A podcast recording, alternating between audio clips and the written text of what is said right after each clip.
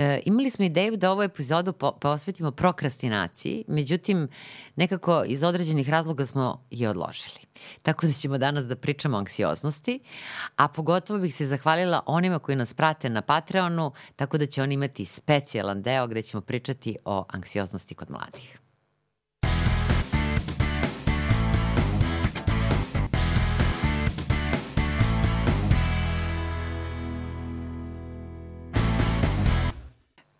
Ovoj epizodi imamo jednog gosta koji je u stvari domaći gost, Danilo Pešić.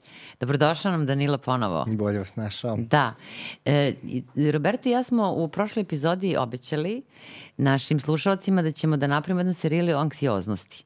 U stvari kao jednom fenomenu koji je najčešće u mhm. životu. Mm -hmm. I nekako, evo, zovemo te da kažem da budeš ovde sa nama u timu i kada je ovaj serijal u pitanju zato što znam da imaš bogato iskustvo u ovom domenu, a i činjenica je, pošto se baviš mladima, jel? A i činjenica je da nekako i današnje vreme generalno pojedine nazivaju graničnim dobom, kojim se smo, o kome smo mm. pričali, a sa druge strane pojedini kažu da mi živimo u doba anksioznosti i stresa. Da. Ko, ko je u pravu? Jer su svi u pravu ili Pa mislim da se uopšte ta kompleksnost uh, baš uh, života usložnila, da je život težak bukvalno na svim ravnima, na ekonomskoj ravni, na kulturnoj, na raznim nekim ulogama koje moramo da igramo, sve se to usložnjava i onda je anksioznost nekako svakodnevni pratilac praktično i, i, ovaj, uh, i nije samo klinički fenomen, nego je nešto s čime moramo da se nekako stalno iznova iznova ovaj, da, da tražimo neke načine kako da prepoznajemo, kako da rešavamo. Mislim, ima taj, taj, taj ideja, ima to informacijna anksioznost, prepravljeni smo informacijama, ne možemo što da. da imamo strah od toga da ne znamo. Sad se u suštini jedna značajna veština je da znamo št, kako da nekako dobijemo informaciju, kako da pretražujemo, kako da filtriramo, kako da razlikujemo tačne od netačnih, istinite od lažnih, pošto živimo u tom jednom praktično simulakrumu gde, gde, gde, gde nekako nije, nije ni problem razdvojiti laž od istin, nije nekako, nije ni pitanje nekako e, kako bih rekao, znati šta je e, kao da, da, da zabuna dolazi time što dolazi do neke relativizacije istine da. i, i, i pravljenje jednog, ne, jednog mutnog, kako bih rekao, Mut, mutne sredine mutne u kojoj ne možemo da znamo šta je istinito, šta nije istinito. Da, kad, sad kad si rekao upravo to uh, u vezi sa informacijama i sa dolaženjem do informacija, u stvari prvi put sam čula jedan, jednu frazu koja u stvari postoji već duži vremenski period, a to je strah da ćemo da propustimo neku informaciju, mm. jel? Jer živimo u tom mm. dobu u kome se informacije u stvari jako vredno i ako nisi informisan, o recimo aktualnim dešavanjima ili ako se baviš nekom oblašću nemaš najnovije informacije, prosto kao da si u strašnom zaostatku i što stvara u stvari jednu vrlo nelagodu. Da. Pa da. Pa da. Da, jer to je meni interesantno, znaš, nekako uvek se vraćamo na neke ljude koji su, da kažem, svojevrsni proroci. Mm -hmm. Kad kažem proroci, ne mislim u bukvalnom smislu te reči, ali su predvideli e, ovaj 21. Mm. vek i vrlo mi interesantan onaj fenomen e, čuvenog filma iz 72. godine e, Future Shock, mm -hmm. Orson Welles mm -hmm. je tako bio mm -hmm. narator. Šok budućnosti. Šok da. budućnosti, da. Šok budućnosti u kome on u stvari govori o tome da mi živimo u jednom dobu anksioznosti, dobu stresa. Otud i moja, da kažemo, vertira. I stvarno toplo preporučujem, pošto na YouTube-u mogu svi da nađu, a verujem da će i bi postojati da će Uroš staviti link ovaj, ka, da kažem, ovom fantastičnom dokumentarcu koji je u stvari urađen po knjizi koja je napisana 70. godine, čini mi se. Dakle, praktično pre pola veka, jel? Da. A koji u stvari fan, opisuje doba u kome mi živimo. Da, kao neki, neko fragmentirano doba. To, to da. filozof ima i Jean-François Lyotard koji postavlja diagnozu veka koji kaže u stvari da mi živimo, prvo imamo taj kraj velikih priča, kraj metanarativa, nema više tih priča koje su nas organizovale, hrišćanstvo, ne znam, komunizam, porodica, nego sve to dovedeno u pitanje. I mi sad moramo iznova da tražimo kako da, orga, kako da se organizujemo bez tih velikih okvira. Pa da, evo sad si me recimo asocirao kad sam promišljala, jer eto, hoćemo da pričamo o anksioznosti, a pre svega o strahu, mm. jel? Ne samo o strahu, pro, prošli put smo Roberto i ja, to si video, pričali u stvari o tim biološkim mm. aspektima straha, već i o strahu kao u jednom širom fenomenu mm -hmm. i kulturološkom i filozofskom fenomenu. I sada, taj fenomen straha e, od, recimo, pomenuo si nema više velikih narativa, to definitivno u postmodernizmu. Ja sam razmišljala, recimo, ljudi su se bojali Boga, znači mm. postoje strah od Boga. Danas u zapadnoj civilizaciji da. više toga nema na način na koji je postao yes. nekada. I to je na najdirektniji način. Sećamo se, bio sam u, u Škotskoj i video sam kako se u stvari katedrale iznajemljuju za diskoteke praktično. Reklame za alkohol su, znači prosto ekonomski princip radi. Da. I da, nema, ne, nema, e sad, to je pitanje da li uopšte da li je nestao, nestao je možda na taj način, ali uh mhm. mislim da, da, ovaj, taj stra, da strah od ovaj, tog nekog unutrašnjeg sudije i sad da ga nazovemo super ega ili, ili nečega u nama i dalje opstaje i, i radi tiho. Znaš kako ovaj, potpuno razumem strah od super ega, pošto mislim moj super ego je neverovatan. Tako da apsolutno, a ti to vrlo dobro znaš, nema šanse da se ja uplašim nekog spolja mm. ili da me neko kazni, ali imam uvid da je to zato što moj super ego je mm. toliko jak da nema veće kazne nego što ja samu sebe mogu da kaznim. Da, da, da. da, da. A to je interesantna i ta psihoanalitička priča, jel? Mm. Da u stvari postoje različiti vrhovi, vrste straha. Da. Pa u suštini ne, neka osnovna je da, da postoje da imamo kao takozvanu kastracijonu anksioznost i separacijonu. Sad ta reč kastracijonu zvuči malo ovaj, zvuči malo psihoanalitički, ali ako bi to uprostili, to je, to je jedna, da kažem, crvena anksioznost, anksioznost povrede. Mi se bojimo da ćemo da, da će neko da nas u stvari povredi, sad konkretno naše telo praktično, Da. Ovaj, ali u suštini to je jedan strah od gubitka i samopoštovanja, od poniženja, znači gde se doživljava neko te je na neki način e, povredio tako što psihički krvariš, ajde tako da kažem, mhm. odatle crvena anksioznost. Mm -hmm. A druga vrsta straha je separaciona anksioznost, ti se u stvari bojiš tako što ovde će u prvom slučaju će neko da te povredi, a u drugom slučaju će neko važan da te napusti. Mm -hmm, mm -hmm. I ti se bojiš da će neko da te ostavi, i, a to može da te ostavi I odatle su ti strahovi koje možemo da imamo. To strah od gubitka ljubavi, strah od gubitka uh, objekta ljubavi. Da. Znači, i onda, a i sad što je naj, naj ovaj, kako se zove, zanimljivije, uh, svi ti, sve te stvari se fuzionišu i, i taj strah od odvajanja i ostavljanja i strah od povrede i poniženja. Kao što nema ni, ni lake granice jasne između anksioznosti i straha. Mi tako pojednostavljeno kažemo, da. strah je s polja, on je, ne znam, adaptivan, on je nekako zdrav, zdrav to je reakcija fight, flight, freeze, bor, beri, bori se, beži ili se zamrznemo i to je nekako tako treba, anksioznost je nešto što je iracionalno, međutim to nije tako zato što nema jasne granice. Mm -hmm. Ideja jeste da kad nas nešto s polja plaši, to u nama uvek podigne talog naših dubokih anksioznosti, a s obzirom da imamo jednu istoriju anksioznosti od toga kako smo se rodili, pa od toga što smo se uh, morali da se, da se odvajamo od raznih stvari. Svaka spoljašnja situacija digne u nama talog da. strahova i, i to je, ovaj, tu, tu, tu nastaje pravi problem u stvari. Sad nekako imam brojne asocijacije. Prva mi je ovaj, jedno divno tumačenje straha od kastracije, a zašto to namerno uh -huh. kažem divno tumačenje? Zato što uh, mislim da Freud dobrim delom nije ra, uh, razumljiv uh mhm. -huh. ljudima, jer se bukvalno čita. Uh -huh. Dakle, ti si sada u stvari dao jednu jednu mnogo širu definiciju, isto kao kad se kaže libido, ne misli se naravno na seksualni nagon, nego na život, životnu energiju, jel? a ne seksualnu energiju i tako dalje. Znači, strah od kastracije se doveo u vezu sa, u stvari, bilo kakvim oblikom povrede. Yes. I poniženja. I poniženja. Mm -hmm. Znači, bilo da je telesna ili yes. psihološka povreda, da. Ali ono što je interesantno, to je da su određeni mislioci tamo, pogotovo u 18. veku, upravo naglašavali da je jedan od najvećih strahova čoveka strah od drugoga. Mm -hmm. I to je u stvari ovo što si ti sad rekao, jer i separacijona anksioznost, to je strah od gubitka drugog, mm -hmm. a u ovom prvom slučaju, kastracionom, jel, to je strah od toga da će osoba biti povređena mm -hmm. od strane druge osobe.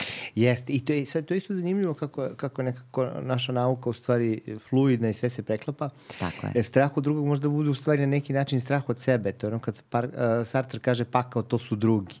Znači ja mogu da projektujem svoje nešto nepodnošljivo u drugog i onda da se bojim drugog. To često može da bude neki mehanizam, ovo kad si rekla, uh, ka, ka, ti kako imaš strah od svog sudija unutra, to je od svog super ega, mm -hmm. kako ljudi mogu, na primjer, da baš zato što su gonjeni, na primjer, tim strogim sudijom, da, da ga projektuju napolje i da se onda plaše, na primjer, student koji je perfekcionista, on može da se plaši toga da će taj profesor da bude katastrofalno stroga, a on često projektuje sobstveni uh, sobstvenu tu perfekcionizam. perfekcionizam i svoj super ego, da kažemo, tog profesora. Tako je.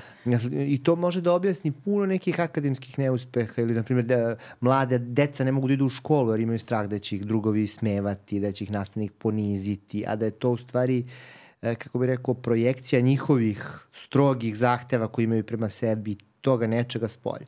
Da. Ima ona divna Andrićeva priča, knjiga, Da. Kada da. De, dečak iznajmi knjigu, a bibliotekar je strog profesor geografije i on, da. dečak sad, sad, to je u detalju onako Andrićevski, ceo vikend je, on znoji se, ne može da spava, košmari, lepi knjigu, knjiga se raspada, on ne zna šta će da uradi. I onda stoji u redu, praktično doživljava kolaps i profesor uzme knjigu i baci je na gomilu. Mm -hmm. Tako da, da, da, da. To je sad taj isto drugi deo, da tek to šta mi možemo sebi unutra da napravimo može da bude mnogo gore od bilo kakve spoljašnje realnosti. Pa to je Ali ono taj što, miks ide stalno zajedno. To je da. ono što se da. kaže, da, neprijatelji, ko nam je najveći neprijatelj? Da, pa mi sami, sami sebi, sebi jest. tako je, da, da. da. Međutim, nekako, ovaj, e, evo, kažem, vraćam se na ovaj strah od budućnosti, mm -hmm. za šok budućnosti, koji toplo preporučujem e, slušalcima našim. Međutim, e, nekako i to, to, to, to definisanje sadašnjeg vremena uh mhm. -huh. na početku sam pomenula, ne znam, živimo u doba anksioznosti, doba stresa, doba graničnosti, tako, jel? Uh mhm. -huh. Međutim, kada posmatramo malo antropološki, u stvari e, nekako strah je jedan fenomen i to je lepo Roberto prošli put apostrofirao da generalno anksioznost, dakle, ne postoji e, univerzalno samo geografski, nego posmatrano istorijski, u istorijskom kontekstu.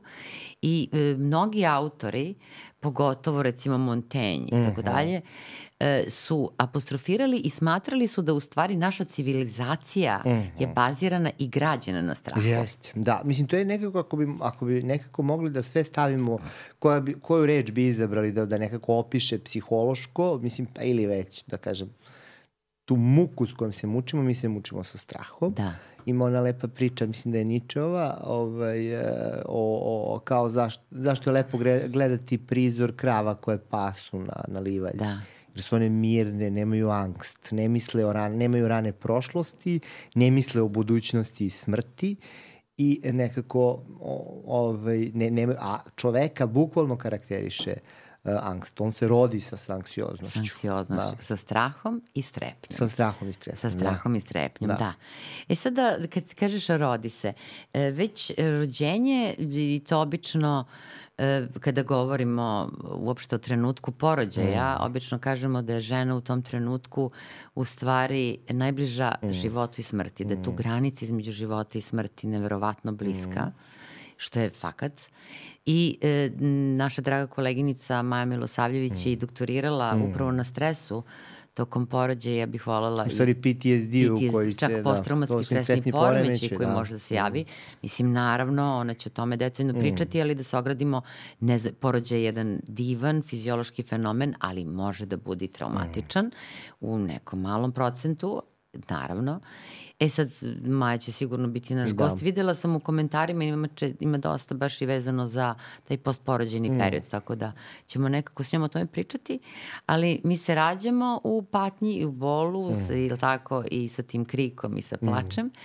I završavamo svoj život mm. na jedan ovaj, način, neko lakše, neko teže, ali u svakom slučaju ono što prati naš život, to je, da kažem, strah od smrti. Mm. Jel? Strah od smrti. Naravno, ovde sa puno pijeteta prema profesoru Eriću, mm. koji je napisao knjigu Strah od smrti i koja je pisana pre više decenija, ali neprevaziđena. Ja, eto, koristim... I sad, sad je napisao Freudov strah od smrti, Ozbiljno. ali se baš bavio Freudovim strahom. Ne Freud o strahu od smrti, nego... Da, on Freud... je imao fazu negde u 30. godini, čini mi se. Ima jednu uh, fobiju od uh, čekaj, čekaj, zaboravila sam, da li od vožnje ili ne mogu da sada se setim. Ima, imao je, da, imao je jedan oblik fobije, da, da, da, da, da, da, da, da, jeste. Da, da, da, jeste. Ali, znaš kako, ovom prilikom profesor Erić je naš učitelj, koji je svoj život posvetio. I napisao odličnu enciklopediju strah. To je grupa autora, ali on je uredio. Tako je. Da. I psihoterapeut, ali pošto nekako ti sarađuješ sa njim mm -hmm. i pisao si neka poglavlja o psihoterapiji mm -hmm. zajedno s profesorom Erićem, pa ću da te zamolim ovako preko veze, da, da zamoliš da profesora. da, da gostuje kod nas. I jedan od komentara bio je da bi voleli mm. da čuju profesora Erića. Pa to bi bilo sigurno nešto posebno. Da. Jel nam obećaš da ćeš pokušati? Ja ću da lobiram. da lobiraš, da, da. Da, on je zaista dosta pisao i pogotovo strah od smrti ali ovaj, to jeste jedan univerzalan fenomen. Pa ima ona anegdota, on se pričava da je plašio specializanti saradnike, kada nešto ne donesu na vreme, on, on kaže kao jel ti misliš da ću, da, jel ti u stvari uh, nadaš se da ću ja da umrem pa da nećeš morati da, da, da završiš. Da, da, da, da, da, da, da, da. Kao, da li ću ja doživeti da ćeš mi to doneti? I onda je to motivisalo da. ljude, da. Ali interesantno je, ti kada bi napravio recimo anketu među ljudima, e, pojedini ljudi bi ti rekli, ne, ja se uopšte ne bojim mm. smrti. Jesi ti prošao kroz fazu intenzivnog straha od smrti? Pa imao sam sigurno, imao sam epizode kad sam imao hipohondrijsku anksioznost. Jesi? Da, da, žestoku. Ja mislim svaki student medicine doživljavao, ali Ja sam mislim tokom da mi je tu bila nekako naj, naj, najveći izdanak mi je bio tu. Da? ali ovaj, e, u suštini mislim da, da nije ni lako doći u kontakt s tim strahom u, u, u, u punom smislu te reči. To je jedan onako složeni strah praktično. Mm -hmm koji je strah i od nekog uh, telesnog bola i telesnog propadanja, znači možda ima elemente baš i tog nekog poniženja što smo rekli, mm -hmm. ali možda bude i plus, onda ima komponentu strah od, strah od izolacije, strah od ovaj, kako se zove... Nestajanja. Nestajanja, da, ali i, i te i jedne vrste praktično bojimo se bola koje možemo da doživimo uh, i patnje, konkretno i fizičke, ali i psihološke izolacije. Da I to smo baš u stvari danas pričali, pošto mislim moram da otkrijem, nama je tema danas trebalo bude, mislim, e, grupna terapija, grupna terapija pa smo zaprešli na anksiozno, pa ćemo da. nekako probati da provežemo to.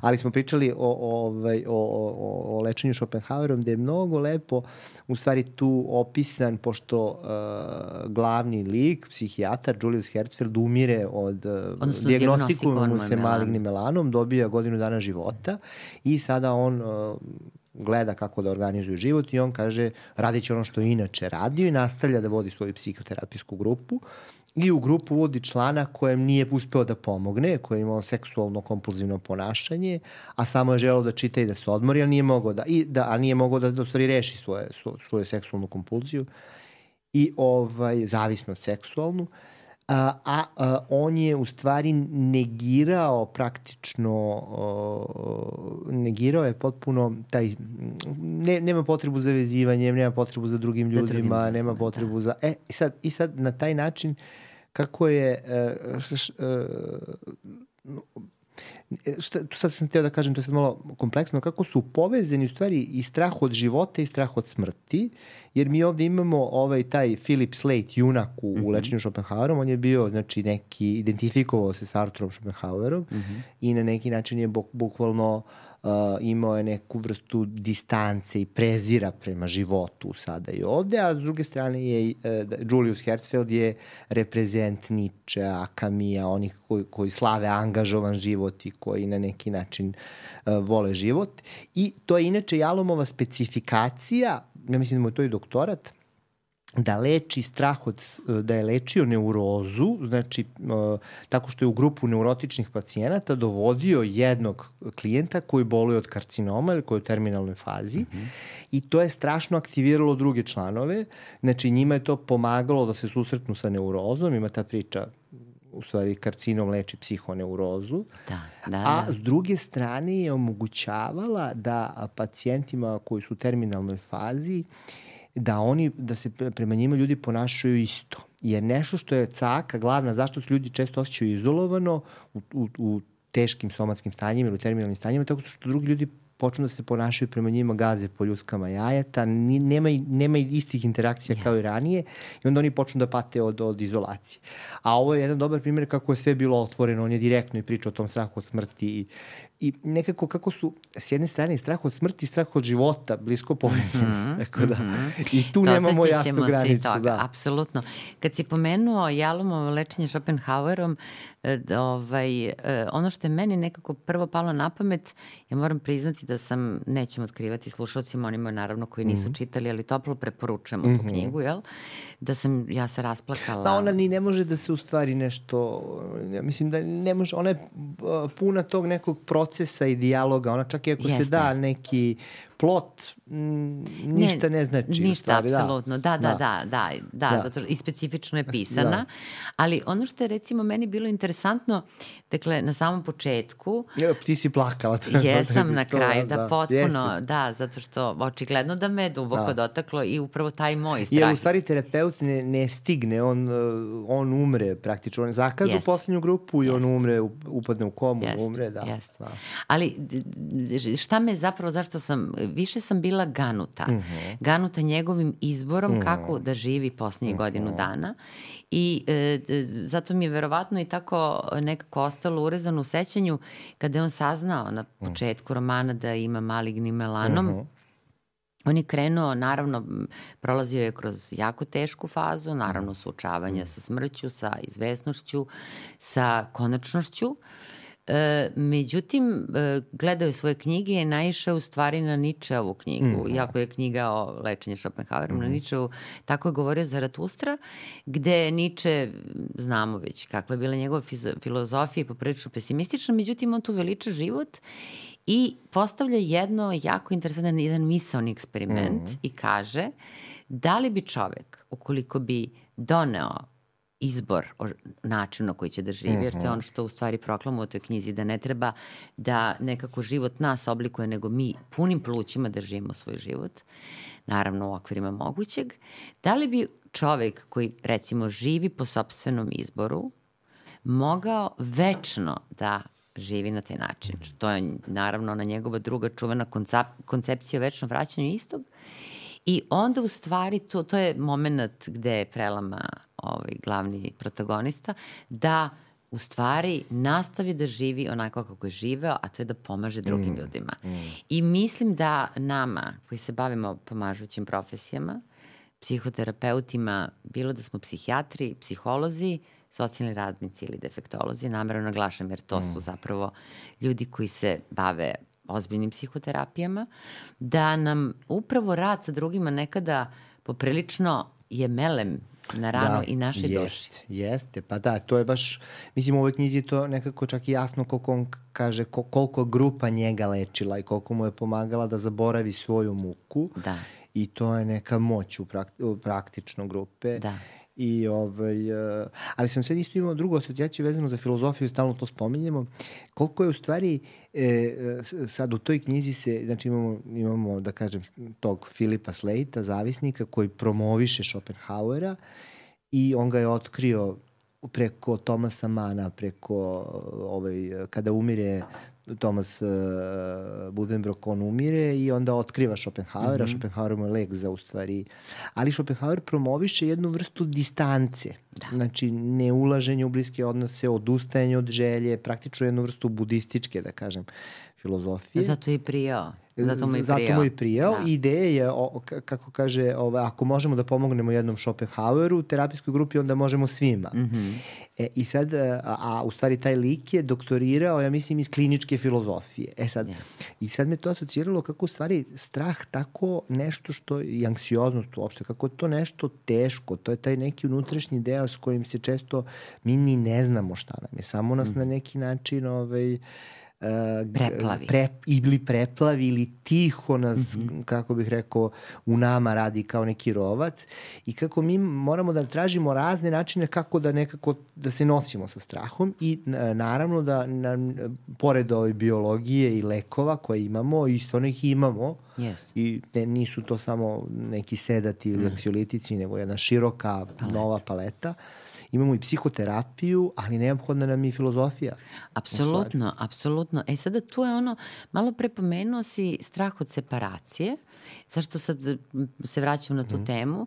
Zato što strah od separacije kao jedan na normalan fenomen koji svi imamo, mm -hmm.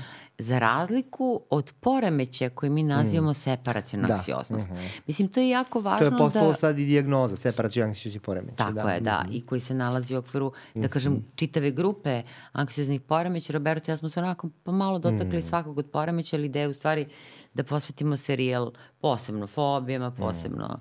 Generalizovanom anksiozno, posebno recimo mm. separacijno. separacijno jeste anksio, anksiozno poremećaju.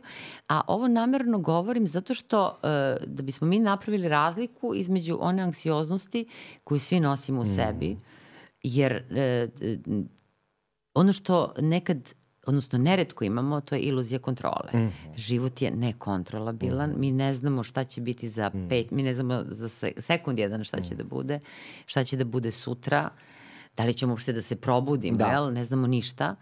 Prema tome, ta neizvesnost generiše u nama jedno prirodno stanje anksioznosti, ali to nije poremećaj. Da, da. E, sad, sad imamo tu asocijaciju na to kad si rekla ta, ta, ta iluzija, uh, kontrole koje imamo, e, nama, je, nama je nekako baš bitno da imamo tu e, neku vrstu zdrave iluzije u životu, na primjer o tome da će, da će sve da bude dobro. I tam, taj, to sad paradoksalno zvuči zdrava iluzija, ali e, mi ne možemo racionalno da, ja to sad stalno pričam, mi ne možemo da a, nekom recimo ko je hipohondar, na primjer, I sad on, ako to ja stalo dajem taj primer, on može da mm, pita da li ja sad, da uradi pretrag i da pita da li ja sad imam rak. Mi ne možemo da znamo da li on ima ili nema, jer tumorski proces je nem. Čak i ti ako se uradiš skri, danas neki test, screening, nešto, to je sve dobro, ne znači da nešto u tebi ne postoji. Ne. I sad nema, nema odgovora, sa tri četvrtine tumorskog procesa je nemo, da bi se vidio, ne znam, čvorić veličine, nemam pojma, 10 na sada da ne, da ne lupam, ovde potrebno je neko, znači ti ne možeš nekome da garantuješ da je on zdrav, on mora da živi u nekoj zdravoj iluziji, da, dobro sam. Mm -hmm. E sad, mhm. to nije, neću, e, to, to je različito od onoga, neću da se kontrolišem, neću da se ispitujem. Ili negiram. Ili negiram, nego je to kao, da, uradio sam ovo, to je do mene, ne mogu da imam apsolutnu kontrolu, da, dobro sam. Isto kao što ćemo dete da pustimo da ide u određenom periodu samo u školu. Da li njemu nešto može loše da se desi? Pa ako krenemo matematički, može. Uvek postoji mhm. mala pozitivna verotnoća, ali mi moramo da da imamo tu zdravu optimističnu iluziju da kažemo biće dobro. Da. E, ako ta membrana pukne, onda smo stvarno u, u, u metafizičkoj studiji. Da, da, da, da. Znači, u stvari, e, pa mera, ponovo pričamo o da, meri, jel? Da. Znači, jer ne, treba, ne možemo, a hiperkontrolori njima je mnogo teško. Teško, da. da Zaista mi je da. teško, jer ulažu ogromnu energiju mm. da bi kontrolisali sve oko sebe, koja količina informacije njima potrebna. Ali mislim da ta preterana potreba za kontrolom se javlja kod ljudi koji prosto nemaju neke druge alate kojima mogu da mm. procenjuju svet oko mm. sebe. I onda kompenzuju u stvari mm. kroz...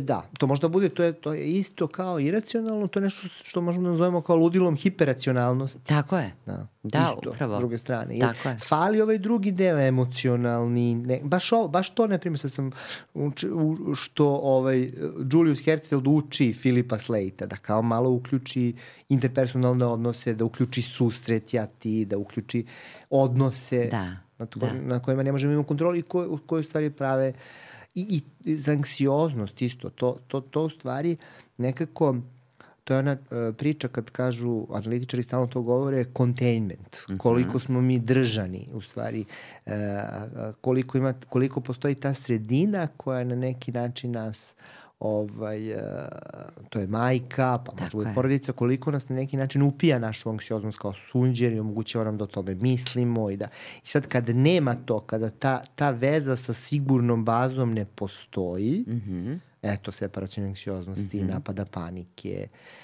I, I u suštini sve je povezano sa tim nekim, nekim osjećajem, sa sigurnom bazom. Da. Pa sa što mi sad pada na pamet?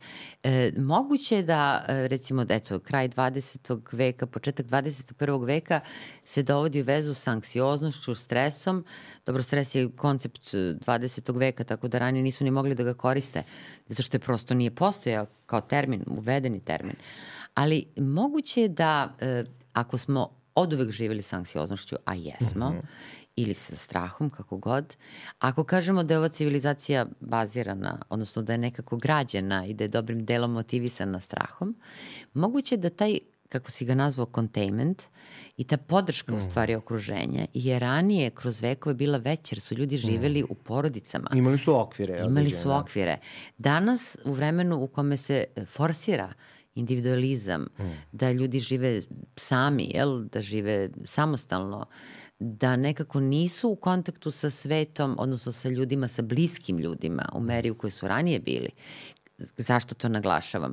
Čak i kada ne žive sami, recimo porodica, muž, žena, dete, odu na posao, dete je samo ili je u obdaništu, vrtiću, školi, kako god. Znači, oni ne provode dovoljno vremena zajedno. Nije to bilo toliko davno, pre stotinu godina, kada je po tri, četiri generacije živelo zajedno u jednoj sobi. Mm. I kada su ljudi u stvari nekako mogli da dele mm. ta osjećanje i da imaju jedan osjećaj sigurnosti, da. Da. Pa jeste u stvari u osnovi, mislim, ako to sad gledamo, idemo negde, da kažem, idemo dublje da to razumemo, u osnovi anksioznosti je taj neki osjećaj da ti ni, e, kao da je nam potreban drugi um u stvari koji će da nas shvati i koji će da absorbuje tu neku vrstu kao neki, da ne sad možda to prosta metafora, ali kao neki idealizator koji nam omogućava da neki višak tih toksina Mm -hmm. Sad kad bi to bio sad prim, ono, primjer sa, sa nefrologijom, ti nekoga staviš na neku da. mašinu koja taj višak koji ne mogu tvoje bubrezi da obrade, obradit. E sad u psihološkom smislu Ili nema detoksikacija. detoksikacija. U psihološkom smislu je to drugi um. Mi moramo da, da damo poverenje da se povežemo s drugim umom i taj drugi um će nas da na neki način, ako nas shvati, našteluje se na našu ravnotežu, onda on može da nam pomogne u tom metabolizmu, sad, da, medicinska da. reč anksioznost. I kada to ne radi, anksioznost je, ovaj, uh, anksioznost je preplavljujuća. E sad ima, ima raznih nekih tu, mi se nekad oklopimo jer se bojimo, mislim, ako smo doživljavali uh, odbacivanja, traume, ne znam mm -hmm. šta i mi sad nekako nismo naučili da delimo, držimo sve za sebe, mi se zatvorimo, mm -hmm. ali to je isto podjednako, mislim da to je neka Freudova metafora sad, mislim da on pod mikroskopom posmatra, ne znam, paramecijum i on ga umoči, u stavi, ne znam, bar, mogu da se vide valjda pulsacije, mm -hmm. gde on razmenjuje yes. ta, pa, sa, sa vodu i matrije sa, sa, sa, sa sredinom i onda onako kapne malo olovo acetata, paramecijum prestaje prestane sa time, ne želi da se truje praktično, skloni se. skloni se, ali ako je previše zatvoren, on prosto će da umre, isto ne, ne razmenjuje sa sredinom. Tako da je to isto nekako ta ravnoteža, mi drugi, drugi, drugi su nam neophodni, a opet moramo da nađemo neku optimalnu distancu, E, dosta je, dosta nekako ovaj, kompleksan zadatak. Praktično. Veliki zadatak da. u životu i to je jedna, ovaj, inače, ekranizovana je jedna priča Branislava Nušića koja je manje poznata ovako, Svet. Aha. To negde predno 20-30 godina, mnogo lepa drama. Ove koje govori upravo poenta jeste, ne možemo sa svetom, a ne možemo ni bez, bez sveta. Mm. Koliko je važno je to od tog paramecijuma pa mm. do čoveka naći negde meru. Moramo, mi smo i mm. biološka, ali smo društvena i društvena bića. bića. Jeste, Tako da, da apsolutno, bez obzira što postoji taj jedan iskonski strah od toga da ćemo biti povređeni mm. od strane drugoga, bez drugoga ne možemo. Međutim, sada tu asocirao si me malo pre sad kad smo ovo pričali, apropo potrebe nekako za značajnim drugim. U jednoj od relativno skoro epizoda Mihajlo je radio, e, upravo bila je reč o tome koliko u 21. veku terapeuti e, imaju, da kažem, jednu ulogu da su jedna vrsta, sad ću da parafraziram u potpunosti, a to je surogata prijatelja. Mm. E sad, jako je važno, i što, što je fakat, što je istina, mislim, jako je važno da tu napravimo neku vrstu uh, e, definicije kada u stvari terapeut ima tu jednu ulogu, jel? I u kojim situacijama, odnosno kod kojih ljudi, a kada terapeut u stvari treba da leči. Mislim, mada sada je ovo oksimoron, terapeut treba da leči. Mislim, po definiciji terapeut leči, jel? Međutim, terapeut zaista u 21. veku uh, je nekada jedna vrsta surogata, jer e, izgubilo se poprilično to neko poverenje u drugog, mm. u značajno od drugog i ljudi e, imaju potrebu da plate terapeutu da bi s njim podelili svoje strahove. Mm. Zašto to kažem? Zato što e, za razliku od recimo doba Freuda u kome je postojala jedna izuzetna cenzura, jedan negativan odnos prema seksualnosti, mm e, mi živimo u vremenu u kome postoji cenzura prema bilo kom obliku slabosti. Mm. Znači čovek ima strah od bolesti, e, strah od starenja, ne samo zbog, da kažem, e, urušavanja sobstvene egzistencije, već i zato što na neki način gubi tržišnu vrednost. On ne sme da prikaže i da pokaže da je slab na bilo koji način sve to generiše određene vrste strahova. Kada su egzistencijalne teme, kada su životne teme, tada u stvari e, odlazak kod psihoterapeuta između ostalog ima i tu funkciju, jel? gde on nije samo neko ko leče, nego ko je jedna vrsta surogata prijatelja. Mm. Za razliku od onoga o čemu smo Roberto i ja prošli put detaljno pričali, to su anksiozni poremeće i e, tu u stvari mi lečimo od starta. Tu nismo drugari. Mm. Da. Pa mislim sad to je dosta onako složeno kako to mm -hmm. objasniti, ne može se objasniti dok neko ne uđe u terapijski odnos da vidi koja je to razlika. Mi svakako psihoterapeut nije prijatelj, to je najprostiji odgovor. Tako. Za početak zato što taj odnos sa terapeutom on je ravnopravan, u smislu dva ljudska bića se susreću, ali on nije simetričan. Taj odnos nije simetričan. Znači nije isto, smatra se da terapeut ipak treba da ima malo veću samoregulaciju, edukovanje i on je tu ipak da misli o pacijentu, o klijentu svejedno. Znači, uh, uh, ravnopravan, ali nije, nije simetričan i čak su postojali neki ovaj, uh, primeri, to je Ferenci radio da, da, da ti kao na neki način... Sedne onako pored njega, da. Sedne pored njega ili da. A inače Ferenci da. je živeo pre sto, stotinu i više jest, godina. Jest, jest. I mnogo, Samo mnogo prosto da važan, da pojasnimo da, ljudima. Mnogo važan da. za tu interpersonalnu smatra se da je on mm -hmm. stvari faktično uh, tvorac ovaj, relacione psihoanalize, da ga je Freud volao pa ga je onda odbacio. Aleksandar Dimitrijević ima odličnu knjigu o njemu. Mm -hmm praktično sad postoji neka rehabilitacija Ferencija u savremenoj analizi. Smatra se da Freudu se nije dopala ta njegova sloboda i svašta nešto. Ali izvini što te je... prekidam, Aha. samo ako možeš da pojasniš ljudima na koji način je on, gde, gde je onako da kažemo settinga, od toga gde je pacijent sedeo pa nadalje. Uh, a to je bilo sve pre 100 godina. A da. pa ne znam tačno sad to. Samo, a to on da, sedne pored njega onako, to, prosto aha, prijateljski, da, drugarski. To, to, to, da, da, da, nije, nije bilo. postojalo da to, teta, da, teta da, da, ili da, kauč, da, da, da, da to i ovaj, isto je pokušavao i on da asocira, da i on ima slobodne asocijacije, što je onda ovaj prvi deo je dovodio u problem zato što izgleda da bi mi ušli u neku vrstu terapijske regresije, da kažem, da, da se nešto otvorimo i sve to. Potrebno mi je druga figura koja je uh, na neki način stabilna, ukorenjena, gde, ne, neka vrsta autoriteta da bi mi mogli da idemo ovamo. Znači, ne možemo da budemo tu jednaki. Mhm. -huh. S druge strane, ne možete vi slobodno da pričate na kraju kraja, otkrivaćete informaciju o nekim svojim klijentima. Ili... Tako da ta vrsta praktično e, simetričnosti ne radi. Postoji nešto u psihoterapiji što se zove sada otvaranje, baš Jalom je primer za to, mhm. -huh. gde on govori, evo baš u knjizi Lečenja Schopenhauerom, on priča čak o svojim uh, ovaj, seksualnim aferama na grupi. Mm -hmm. to je sad možda ovaj, čak kao za neke i preterano, ali imamo to neko, imamo veću slobodu, kada pokazi sebe, kad se otvoriti i sve to, ali opet to nije prijateljski odnos jer on suštinski nije simetričan, to je jedan specifičan odnos, ja mislim da je to jedan čaroban odnos koji ne može, mislim, to je neka vrsta emocionalnog nepodele u kojoj obe strane i rastu i strašno je zanimljivo i taj susret je zanimljiv, ali to ne možemo da podvedemo pod prijateljstvo u užem smislu, u nekom širem smislu svakako... Ovaj, da. Apsolutno se slažem s tobom, e, zato što nekako ipak volela bih da e, mi psihijatri ostanemo u granicama profesionalnog mm. i da po, bi, po makoju cenu. Mm. Nisam pristalica populizma i mm. dobijanja poena uh, kod javnosti na osnovu toga što ćemo na neki način da kuketiramo sa mhm. javnošću, već da pričamo onako kako realno jeste. Jer svaki čovek koji se bavi pomažućom profesijom, on je posvećen, on je naravno da je usmeren na osobu, naravno da ne ide iz pozicije up pozicije naprotiv, a na to ću se vratiti, već upravo ovo što si sada poentirao ima strukturu. Mm i mora da bude oslonac. Jer mi u krajnjoj liniji i kada u svakodnevnom životu tražimo pomoć, uvijek ćemo gledati da tražimo pomoć od nekoga koga procenjujemo da je u toj situaciji od nas mm. snažniji. A ne slabiji, jel? Mm -hmm. Nećemo sigurno tražiti pomoć od nekoga ko je u krizi, da. nego od nekoga koga procenjujemo kao snažnijeg mm. od nas. A ovo kad kažem nismo stalno u toj up poziciji, postoji jedno predivno pismo u medicinskoj etici koju je pisao uh, profesor uh, Milovanović stariji, mm knjiga koja je pisana 70-ih, 80-ih godina 20. veka, koje držimo u svojoj mm.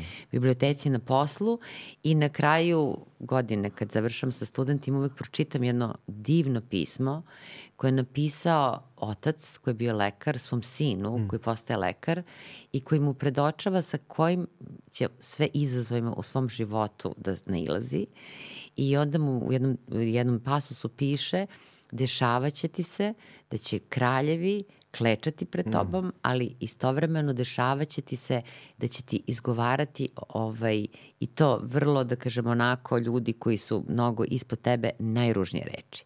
Dakle, bit ćeš uzdizan u nebo i bit ćeš bacan u blato. Mm. I to je nešto sa čime mi kao Jest. lekari, a i kao terapeuti, psihijatri, kako god, mislim da to imamo osvešćeno i da nekako nosimo taj svoj krst koji smo izabrali, da. Da.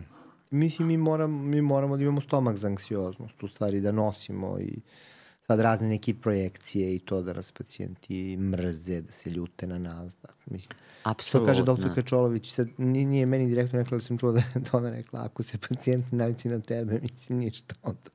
Ako, ako, se ne, ako se naši pacijenti ne ljute na nas, pa to mislim, ne šta valja. radimo onda? Pa to ne valja, tako je, to je isto kao lek koji ima, nema neželjene efekte. Uvijek da, da, kažemo kao, taj... kaže, kad kažu nema neželjene efekte, ali znači, ima željene. Znači nema ni željene, prema tome pacijenti moraju na nas da se ljute. Da. I, ovaj, I to je logično i to važi za svaku, ja mislim, da. pomažuću da. profesiju, ne samo ovu našu. A kada govorimo o anksioznosti, malo smo eto... E, ali možda sad, kaži. da, da samo uh. -huh. možda kao prag, da pragmatizujemo ove naše slobodne asocijacije, uh -huh. to jeste u stvari uh, šta bi bila neka kao poruka, e, pošto je neophodan drugi um. Da. Znači, nama, kad, mi, mi moramo da naučimo da, da delimo to emocionalno stanje. Mi moramo da imamo prijatelj ili neko kojem verujemo. Sad ne mora to da bude za sve segmente života. Da kad smo anksiozni, mi moramo da probamo da pričamo bez ostatka, da prosto nekako, kako bih rekao, svoju utrobu iznesemo mm -hmm. i ako nas taj drugi prijatelj voli, sluša, ne mora onda ništa interpretira, ali razume nas i prihvati, to dolazi praktično do smenjenja anksioznosti. Tako je. Tebe kada neko zaista sluša e, i, i volite, prijatelj, volite i psihoterapeut voli svoje pacijente, na, to je sad druga vrsta ljubavi. Ali to, to je zaista formula za smanjivanje anksioznosti, odnos. Jasno. Mislim, anksioznost ne može, o, to su pomoćne stvari, daćemo lek, propisat ćemo, ne znam, graduiranu ekspoziciju, propisat ćemo, ne znam... Ako pričamo ovaj, o patološkoj anksioznosti. O patološkoj anksioznosti, mm -hmm. ali u suštini nama uvek treba ta, ta priča, treba neko da nas čuje i da nas shvati, mm -hmm. jer u suštini uh, uh, moramo da nađemo reči. Mi moramo da nađemo reči za taj osjećaj u stomaku i neki pritisak za koji nekad mi ustanemo ujutru samo osjećamo pritisak u ramenima, pritisak u stomaku, neki strah da ćemo, nekad to bude toliko jako da imamo strah da ćemo se raspadnemo i za to nam je potreban drugi. I na, na, na taj neki način radi i psihoterapija, ali ideja jeste da se naglasi važnost interpersonalnog. Mm -hmm. Znači, upravo to, to, upravo to. E sad, naravno, gradacija od uh, anksioznosti svakodnevne, jer ne postoji čovek. Mislim, prosto ona je toliko, ja mislim, naši životi su protkani mm. stanjem straha i stanjem anksioznosti, a sa druge strane, naravno, to zavisi malo i od karakteristika ličnosti. Kada smo govorili, odnosno bile koleginica Vučenić Latas, mm -hmm. ona je govorila, da kažem, o tim poremećima mm. ličnosti, izbjegavajućim, mm. zavisim i mm. tako dalje. I ne mora da bude u pitanju poremeće ličnosti, vrlo dobro znamo da postoji e, karakteristika ličnosti mm. koju nazivamo neuroticizam, mm. neki nazivaju negativni afektivitet ili izbjegavanje kazne, zavisi naravno od teoretičara ličnosti koji model koristi, ali negde se priča o sličnim konceptima, a to je stvari kada čovek ima sklonost ka uh, jel tako, ispoljavanju različitih negativnih emocija, mm. čitavog spektra negativnih emocija, anksioznost, strah, strepnja, ali takođe i agresivnost i bes i tako dalje. Neraspotuga, jel? I sada kada se neko prosto rodi mm. sa jednom predisponiranim neuroticizmom visokim, mm moj omiljeni ovaj, e, lik koji ima visok skor na neuroticizmu je svakako Woody Allen, mm. ali koliko je on snagom svog, da, da. da kažem, intelekta i nekih drugih svojih potencijala uspeo da sublimira, jel tako, u kreativnost da i u da. fantastična svoje dela, ali, kažem, ti ljudi će svakako nekako u svakodnevnom životu češće ispoljavati mm. ova stanja i straha i strepnje. E sad, Znači, govorimo o uh, strahu i strepnji svakodnevice, govorimo o univerzalnim strahovima, o strahu od smrti, to zaista, kažem, posebnu epizodu te molim da mm urgiraš kod profesora Erića da napravimo. E, A sa druge strane, govorimo i o strahovima koji se javljaju kod dece i kažemo da su urođeni. Mm. Real, o strahu od groma, na primjer. Pa da, to su, to su oni, to su strah od uh, izmicanja podloge, od pomerenja podloge, od jakog zvuka, uh, strah od ne, predmete koji se brzo kreću, od kanđi, da. od zuba, oštrih. Znači, to su znači strahovi gde postoji direktan put koji aktivira u stvari e, praktično ide iz ide u amigdalu direktno, mm -hmm. na primjer. Presk, to je kraća ruta, u stvari. Znači, mi reagujemo praktično se... Bez čeonog grežnja, što bi rekli. Je, nema, tako, nema tako, to ono što smo pričali prošle put, to je primjer za onu, za onaj visual cliff eksperiment. Ono, kad beba puzi i stane, ona Jest. stoji I to je to. I, i to je to. Znači, e, što ima oće da će da propadne. E, sad, znači, svi strah, imaju to. Da. Apsolutno svi. Da. E sad, postoje strahovi, s druge strane, od e, objekata ili situacija koje potencijalno ipak nose određenu vrstu opasnosti. Mm. Mislim tu na strah od visine, strah od letenja avionom, strah od, od recimo požara, poplave i tako dalje. Ali postoje ljudi kod kojih taj strah može da ima iracionalni kvalitet kada Jest. govorimo o fobiji. Pa to je ono što smo pričali da u suštini sve mešavina spolja unutra. Naprimjer, sad ako bi bila anksioznost ide iznutra, ne znam, uh, strah dolazi iz polja. Mi imamo, na primjer, kod fobije to miks s polja iznutra. Znači, mi imamo kod fobije, fobija je puna simbolizma. Znači, yes. u fobiji mi imamo Znači, unutrašnja neka anksioznost, mi se bojimo nečeg, a onda u stvari to premestimo, premestimo i simbolizujemo i onda se bojimo nečeg, nemam pojma, pauka ili ne znam da. čega, ptica ili, i onda u, u fobiji ima puno simboličkog. Da. Da. Mislim, ovde, ovde u stvari da. sada ti govoriš o jednom psihoanalitičkom da, konceptu. Da, da, e, može i drugačije, jeste, da, da se objasni. Naravno, da. Mislim, e, zato što ovaj, ono što je lepota psihijatrije, to je što postoje različite tumačenje yes. istog fenomena. Niko nema tapiju na, na realno, da, ne. koje je neuhvatljivo ne. u stvari. Tako je. Da. I, I to sam baš i prošli put sa Robertom, to smo ćaskali, ne volimo te generalizacije, aha, jel? Aha. Ne znam, ovo nastaje zbog ovoga, ono, moramo svakom čoveku pristupiti individualno, ali ono što psihoanalitički analitičkom koncepciji jeste, je tako, da taj unutrašnji konflikt, odnosno neka neprehvatljiv impuls, je tako, koji osoba yes. potiskuje, a onda ga kod fobije, je tako, premešta na spolja, jer je lakše da se suoči da sa nekom... I da se izbegava, plaće da izbegavaš s polja nešto Pauka nego, nego sobstveni tako konflikt, tako. da. E sada, nama je teško da će se u ordinaciju pojaviti osoba koja ima fobiju od pauka. Mm -hmm. Pa da, to nisu, mislim, u suštini su dve najčešće su fobije od strah od zubara i od letenja. Tako? tako je, da. Ovaj... Ali da li će recimo čovek koji živi u ruralnoj sredini u selu, da. koji nikad nije leteo, da, da, da se javi psihijatru? Da, da, da. Ako je stewardesa. da. Ili ako često da, da. leti. Da. da. Ima na ovim većim aerodromima, ima kao bukvalno savjetovalište. Ozbiljno? Ja sam video to, ja mislim. Da. Sjajna stvar, da. Da, da. Da, zato što da. To je Ali jedan... ljudi pribegavaju kratkotrajnom rešenju, popiju ovaj, sedative, popiju alkohol. Ili nešto da. drugo, da. I onda se preguraju u stvari. Da. da. Međutim, ovaj, e, da, ja znam pojedine osobe koje su na taj način prevazilažile strah od letenja, ali to je opet, da kažem, sada neka intermedijarna, znači neka, da kažem, to su oni ljudi koji se nalaze u zoni između zdrave anksioznosti, odnosno straha mm. i potpuno patološke gde totalno izbjegavaju, znam osobu mm.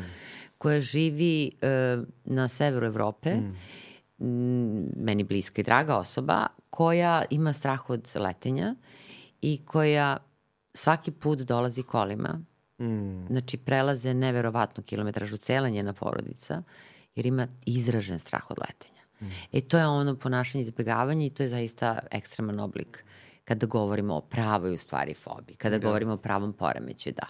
I imamo treću vrstu strahova od stvari, objekata, situacija koji nisu preteći čovjek u stvari može da se boji bilo čega. Bilo jel? čega, pa to je ona lista fobija, ima da. svega, možemo se mojemo. Jeste. apsolutno svega. E sada, kada govorimo o generalnom fenomenu straha, e, s jedne strane e, pomenuli smo da strah e, dobrim delom proizlazi iz straha od povrede od strane drugoga. Mm. I govorili smo upravo o toj kontroli mm. I straha od gubitka kontrole. Međutim, sa druge strane, ono što je meni interesantno, ali više kao jedan društveni fenomen, to je da ljudi poprilično ovaj, mogu da budu kontrolisani strahom. Da. Naime, ono što sam primetila u interpersonalnim relacijama, to je da strah koji recimo izazivaju određeni ljudi, e, poprilično može da utiče na njihovo ponašanje i da ljudi s putem straha mogu da manipulišu drugim ljudima. Mm. Da. To je vrlo interesantan fenomen koji se javlja. I, naravno, čak i ljudi koji nisu, eto da kažem, ne spadaju u taj klaster strašljivac. Mm. Da je strah neverovatan motivator. Ja lično, kažem ti, zbog svog superega, onako sa strane sedim i gledam i nekako ovaj, nije, mi, nije mi u interpersonalnim relacijama strah da. motivator, da. Ali pa mogu to, to da vladaju, da dominiraju. Pa nekad da. se to se vidi, u, ne znam, možda se vidi u organizacijama, u grupama, u, mislim, možda se vidi kako, čit, mislim, čitava ekipa se boji nekoga, ko, a na te ekipe, to su ljudi koji nisu neko, ne, nisu, ne znam, neobrazovani, nisu, da, ne. a nekako zavlada ta atmosfera straha. Apsolutno. Jer mi imamo to, imamo na kraju krajeva kulture, mislim, razvije se kultura anksioznosti u nekim grupama, u nekim organizacijama i mislim, prosto se to tako nekako Uh, ne znam, podložni smo tome. Jesmo, kao vrsta smo mm, podložni mm. tome. E sada jedino... Zato smo i podložni manipulaciji praktično. Tako je. I tu nekako, recimo, ovaj, Machiavelli je smatrao mm. da je to jedna dobra osobina i da mm. u stvari vladavci treba na neki način da, da zaplaši, da. Da zaplaši, za razliku od nekih autora posle njega koji su imali krajnje negativan odnos prema toj jednoj vrsti terora straha, strahom, jel? Međutim, e, nekako postoji i ta jedna vrsta straha koja dolazi iz medija. Mm. Mi smo svaki dan bombardovani informacijama o neizvesnosti, o nesigurnosti, o jezivim događajima kultura straha koja se dešava na istim tim aerodromima. Ja nemam strah od letenja, ali imam neviđenu averziju od toga kada treba da pređem preko carinske zone gde moram da nemam tečnost pri sebi, znači ne mogu da nosim karmi, ne mogu da nosim parfem, zato što je sve to moram da sklonim, jel? Zašto? Zato što postoji rizik od terorističkog napada, jel? Mm. Mi non stop u glavi koliko god da ne razmišljamo o tome svesno, ali mi negde živimo sa idejom kako ako uđemo u avion, taj avion može da eksplodira, jel, zbog terorističkog napada, da. Pa da. Pa da, mislim to, to je toliko sve kompleksno da ne znam šta, ne znaš šta da ne kažeš, šta da prosto kažem, da. Ne, ali ima, zaista... Mislim, ima i to, a ima i disocija, disocijacija, mi ocepimo ništa nam nije, kao prosto ima i taj, taj, to je isto često reakcija da. za umrtljavanje i zamrzavanje, prosto ne reagujemo uopšte na na, na, na takvu na informaciju. Da, da. Toliko smo preplavljeni time da smo se zamrzli i utrnuli i nekako tako kao živimo Prosto, malo zombirano. Da. Pa misliš adaptirani smo već na određene da informacije. To, da, mm -hmm. to je jeste neka vrsta adaptacije. Mm -hmm, da. Mm -hmm. Prosto nekako ne možemo to što da procesuiramo, tako gledamo bez, bez emocionalnog odnosa, možemo da gledamo nekad i strašne slike. I da, da. To je sad druga strana. Da. Jedan ovaj, je relativno, pa tako, moj vršnjak, filozof koji živi na severu, skandinavac, Lars Svensson, on je preveden na nas, njegov, nekoliko mm. knjiga, jedna od njih je Filozofija straha, mm. i onda počinje upravo o tom pričom o aerodromu. Uh, Kaže, nekada kada sam putovao, išao sam sa kutijom cigareta, upaljačem i kreditnom karticom, sada su mi oduzeli i upaljač i da. cigarete, da, da. E, cigarete, naravno, svaki put kažu da je zabranjeno pušenje, ali tako, kad uđemo avion, a to nas uvek podsjećaju. A e, upaljač da ne bi slučajno bila eksplozivna naprava, jel? Tako da e, nekako upravo forsira se to. Ali ono što meni kaže... Ajde, te sam da kažem da kako u stvari e, taj, e, pored tog kao ka, sad saveta kad smo anksiozni nađemo drugog da u stvari sad da. nije nikakva topla voda, nađemo drugog da pričamo, ali to zaista je najbolji lek za anksioznost. Takođe mi u stvari e, e, na, na širem nivou, s obzirom da smo mi društvena bića i rođeni smo, znači u nekim malim, živimo u malim grupama, u porodici, u, onda u nekim srednjim grupama, mm -hmm. u mhm. razredima, u škol, školama, organizacijama i u velikim, da kažem, društvenim sistemima, pripadamo nekim političkim partijama i itd. itd. Mislim, na svakom od nivoa može da se pomogne da se nekako anksioznost negde uh, uh, metaboliše i da se na neki da se način smanji. da se smanji, da. Znači, uh, na ovom prvom nivou i zato imamo tu, tu, tu terapiju, na primjer, i ma, malim grupama, srednjim, velikim grupama i na kraju krajeva ovo sad, ovaj podcast je rad na nekom velikom društvenom sistemu gde se nešto promišlja, gde se mm -hmm. na neki mhm. način iz nedelju nedelju uh, smanjuje se neki šum anksioznosti i mi pokušavamo da nekako neke informacije ljudi onda razumeju, mogu da se orijentišu, mogu da... Sad, u tom smislu, uh, anksioznost nije samo, ovaj, uh, da kažem, fenomen dia, individualne neke psihologije, nego znači moramo da se bavimo time i na širem nivou. Znači, da. I na nivou institucija i organizacija i odatle čitava jedna oblast koja se organizacijona psihodinamika. Tako je. Gde mi moramo da na ne, neki način, ima strašna anksioznost u institucijama, ljudi mogu da odlaze na posao kao na, na, na, na gubilište. Pogotovo Praktično. kad su krizna stanja, da. recimo da. u velikim korporacijama pretnja mm. otkazom mm. ili u nekim periodima ekonomskih kriza.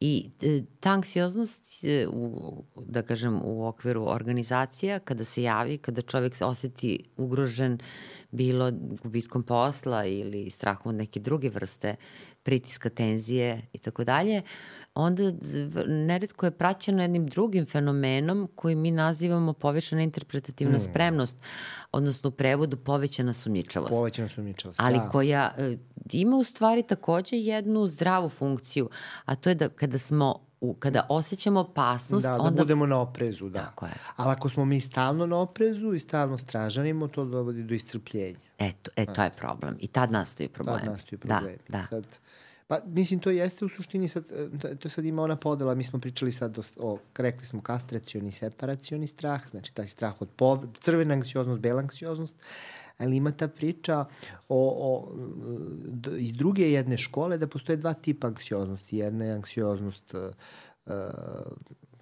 opet malo naziv medicinski šizoparanoidna, jedna je depresivna. I sad ova prva anksioznost je u stvari anksioznost rasparčavanja, da ćemo mi da se da će neko da nas povredi, da će neko da nas ovaj kako se zove uh, ugrozi, mi smo u gardu, mi, opasnost dolazi s polja, a druga anksioznost je anksioznost da smo mi svojom agresijom nekoga povredili i to je uh, u stvari uh, tu, tu podnosimo bol naše krivice ona je mnogo zrelija. Mi brine, mi smo svesni da i mi možemo da povredimo, da i mi možemo da radimo, da mi, i onda osjećamo možemo da se osjećamo krivo, da preuzmemo odgovornost, ali isto ta klackalica između te dve anksioznosti je važna. Da. Između da. te, da kažem... Od Melanie Klein. Od Melanie Klein, da. Jeste. I opet smo, da. i da kažem da. i dalje u vodama, kad si rekao na drugi model, ja smisla da ćeš neki behavioralni model ili biološki model ili e, etološki, evo, ne, ne, ne, Danilo je ipak u psihoanalizi. Ali ovo je biološki model, taj klinijski model je prilično da? biološki, da, da. Dobro, da. da. Ali kada kažeš o ovoj depresivnoj poziciji, mislim, pošto slušaju nas ljudi koji, Aha. da kažem, su zainteresovani da. za ovu temu, a svaki dan se susreću sa nekom sobstvenom srepnjom i anksioznošću. I šta bi onda njima mogao da poručiš i na koji način u stvari da im daš neki, ovaj, neki što bi rekli, hint vezan za, neki, za, za, za kle, Melanie Klein. Klinijanski Klein, life coach. Tako je, klinijanski hint. Pa da. jako je teško da se podnosi, znači, nešto što znamo za tu anksioznost krivice kada nešto potne. Nešto Na primer, neka da je, situacija. Neka situacija, povredili smo nekoga, jako je teško da mi to podnosimo. I da. teško je opisati to osjećanje, ali ono, ono mora da se... E sad, ono mora da postoji u nekoj meri i nekad prosto nemamo ništa drugo nego da podnosimo to što smo uradili. Ne možemo mm -hmm. stalno, nekad mi možemo da se branimo kroz razne manevre, da se preterano izvinjavamo, da počnemo da opet preterano krivimo sebe. Postoji fenomen koji se zove krivica kao odbrana od osjećanja krivice. Ja ne mogu da podnesem da sam nešto pogrešio i onda narosim sebi patnju i samim da. tim ne mogu uopšte da preuzmem odgovornost. A, Jeste. mislim, krivicu treba neko vreme podnositi, razumeti i onda je zameniti odgovornošću, a svi mi grešimo. E, to je, to je jako važno zato što si rekao, zato što uh, osjećanje... Sad ulazimo u onu zonu oprostiti. Tako sebi je. i drugima. Ali ovo je jako da. važna tema i malo da se na njoj zadržimo, zato što upravo to, svi grešimo, ukoliko smo zreli i ukoliko imamo razvijen savest, naravno da ćemo osetiti krivicu ukoliko pogrešimo. Ali ta krivica ima neki svoj rok trajanja. Mm. Obradimo je, završimo s tim i upravo prelazimo u ovu drugu fazu koju si sad apostrofirao, to je Odgovornost. Odgovornost, jel? Da. E sada, ukoliko više dugo traje osjećanje krivice, e onda tu postoji već problem. Jeste. Jer, mislim, ono, to je, pretjerana krivica je u stvari jalova, mi nešto sad sa njom uveć ulazimo u neku zonu mazohizma. Pa sad postoje razni manevri. Imate, ima onaj fenomen zločinac i osjećanja krivice. Ima ljudi koji ne mhm. mogu da podnose, na primjer nešto, krivicu i sad urade nešto namerno da bi bili uhvaćeni, da bi onda spolje, spolja bili kažnjeni, da. jer je lakše da se opet sad kazna nekako mm -hmm. definisana je, traje određeno vreme, nametnuta je spolja, prosto je lakše da se podnosi spolja nego da je čovek sam sebe kažnja. Znaš šta, hvala da. ti na ovom objašnjenju, sad sam shvatila motive pojedinih ljudi, da. Tako da evo i u ovom podcastu ja sad od tebe učim neke stvari, da. Fantastično. A da, to je tipično za ljude koji imaju mazohistički mm. crte. I onda u stvari, ovaj, kroz taj začarani krug, oni u stvari stalno se igraju između mm. žrtve i agresora, da. Mm.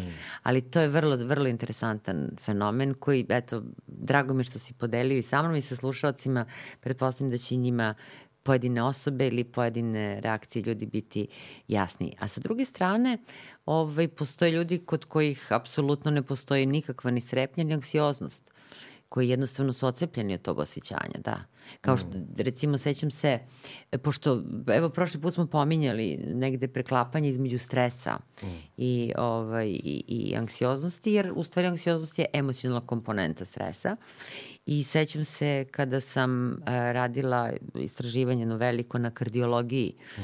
i kada smo, moj zadatak je bio da prosto izazovem psihološki stres kod ljudi koji su lečeni posle infarkta mm. miokarda. Baš, stres mental stres test. Stres da. mental da. test, jeste. I, ovaj, I sećam se m, jednog ispitanika. I to, ja mislim da je to, to je mnogo važna stvar, zato što ljudi ne, ne, kad kažu na nervnoj bazi ili nešto kao, pa, da li to, koliko to postoji, koliko ne. Stres da. mental test je možda onako najočigledniji primjer kako psiha, oni, oni, le, oni dobijaju zadatak da oduzimaju je, to je jedan od zadataka, ili da, ne znam da rade određenu fizičku vežbu. Znači ovako, postoji nekoliko testova, jedan je upravo taj koji je više kognitivni, a to je da od četvorocifrenog broja oduzimaju sedam, ali različitim tempom, različitom brzinom, naravno ja pred sobom imam mm. rezultat da ne bi bila stresirana, jer mislim, da, to ne bi baš bilo, jel? Onda ne bi mogla dobro da ih mm. ispitujem, A da posle toga su radili jedan drugi zadatak, to je zadatak koji reaktivira ljutnju, a koji podrazumeva da se sete nekog događaja u prethodnih šest meseci koji njima izazva baš onako jednu neprijatnu životnu situaciju i koja više, da kažem, aktivira tu emotivnu, odnosno emocionalnu komponentu. I e, pacijent, ispitanik koji je ležao i rađen mu je ultrazvuk, EKG, e, pritisak krvni meren, uh, I radili smo jedan test, pa drugi test i imao je dramatičan skok krvnog pritiska, imao je promene čak i na mm, ultrazvuku, mm, dakle hemodi, mm. hemodinamski promene na srcu. I kad se završio test, on meni kaže, doktorka, jeste videli kako se ništa nisam mm. nasekirao, uopšte nisam bio ni napet, ni pod stresom, nisam bio ovaj, ni anksiozan a u stvari njegovo telo je suprotno govorilo. Mm. Tako da ljudi nekako nekad mogu i da ocepe tu emociju. Jest, da. mogu da ocepe i mogu da potpuno da ta emocija, ono, kako kažu, samo da se izražava telom. Da. Praktično, telo da. pati. Da, ono, A čak ni ne registruje to iz tela, da. da. Čak ni ne registruje. Ono, pa je ona popularna knjiga. Oni čekaju da njihovo telo kaže ne, u stvari. Da, Mislim, da. da. Samo što nekada to bude mnogo ekstremna forma. Jeste, bude ekstremna kazna, da jednostavno se da, ili ima i raznih manevara tu, ne mora da se u stvari, može taj psihosomatski deo, da emocija odlazi, da taj emocionalni, vegetativni deo osjećanja praktično se manifestuje telesnim kanalom, samo bez ikakvog kontakta sa, sa, sa, sa gornjim, da kažem, nekim sa razumevanjem toga šta se dešava. Znači, samo telo pati, ali imamo varijante i da ljudi ulaze u adikciju, da, ovaj, Jeste. kako se zove... A samo povređivanje? Samo povređuju, da. Da. Jer ono, kada smo pričali upravo o graničnom poremeću ličnosti, taj unutrašnji nemir, napetost, strepnja, strah, koliko može u stvari da nađe jedino nekad ventil kroz samo povređivanje, da.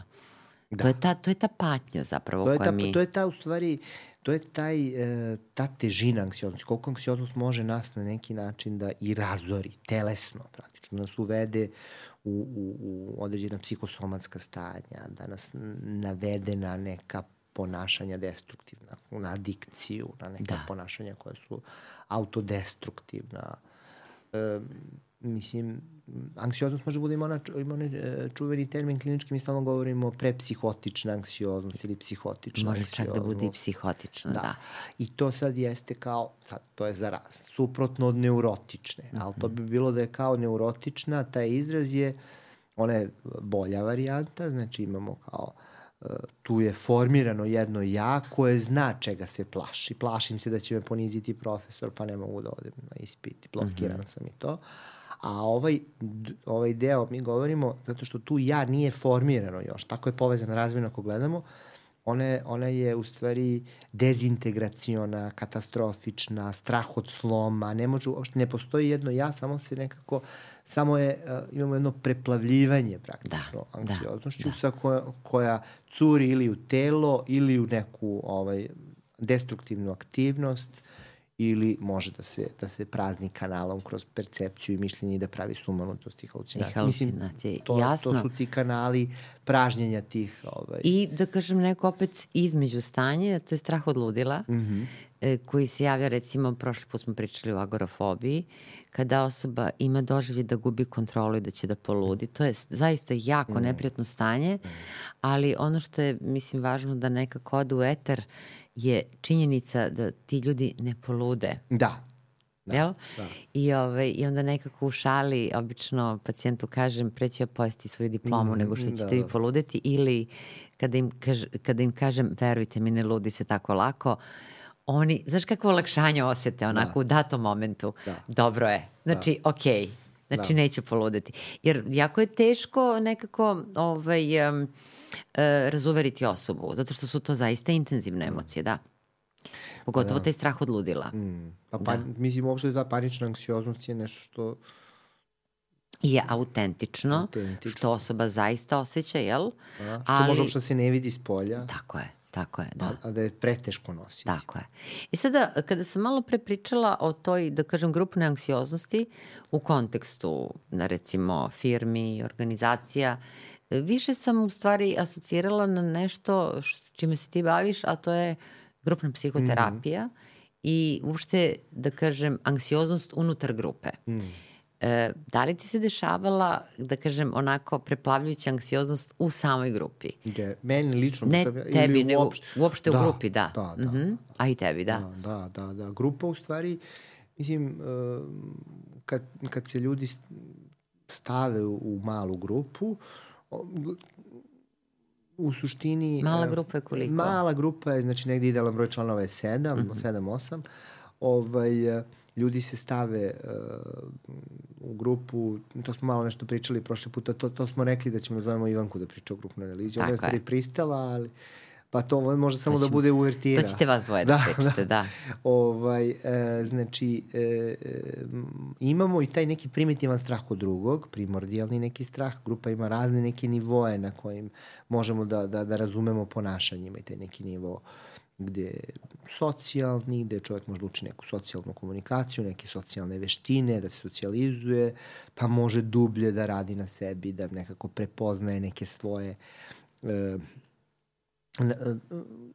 kako bi rekao, interpersonalne obrazce. Ideja grupe je u stvari najviše to interpersonalno učenje. Ja kroz interakciju sa drugim članovima a, moram da vidim, treba da vidim u stvari kako mene oni doživljavaju, mm -hmm. šta ja njima radim u stvari, da, da to čujem od njih mm -hmm i ovaj, kako se zove, da razumem zašto to radim i na kraju, ako baš to ne mora, da, ne mora taj, taj nivo da se zadovolji, ali mogu da povežem to što radim ovde i sada u grupi sa onda i tamo što sam što neki obrazac u mom životu. Od ranije. Od ranije, to, to nije neophodno. E sada, recimo, ukoliko u okviru grupe koju vodiš, recimo neki od članova grupe započne razgovor upravo sa temom nekog svog straha. Mm -hmm. Kako ide dalje dinamika grupe? Šta se onda dešava? Kako to deluje na druge članove mm -hmm. grupe? Ne mislim na tebe, nego generalno kako članovi grupe reaguju, da? Pa, da, to sad, ideja jeste da sad, uh, kada se napravi mala analitička grupa, znači, suština jeste da se ispituje tenzija, da se ispituje anksioznost. Mm -hmm. Svi članovi u maloj analitičkoj grupi su pozvani na to i uh, jasno im je da postoje neka određena pravila, uh, um, ne, nema druženja ili ako se desi druženje, ne znam, dolazi... Mimo terapije. Mimo terapije, mm -hmm. postoji sad setting, tačnost, kad počinje, kad se završava, mm -hmm. koliko košta, koliko traje, nema iznošenja, poverljivosti jedno apsolutno pravilo.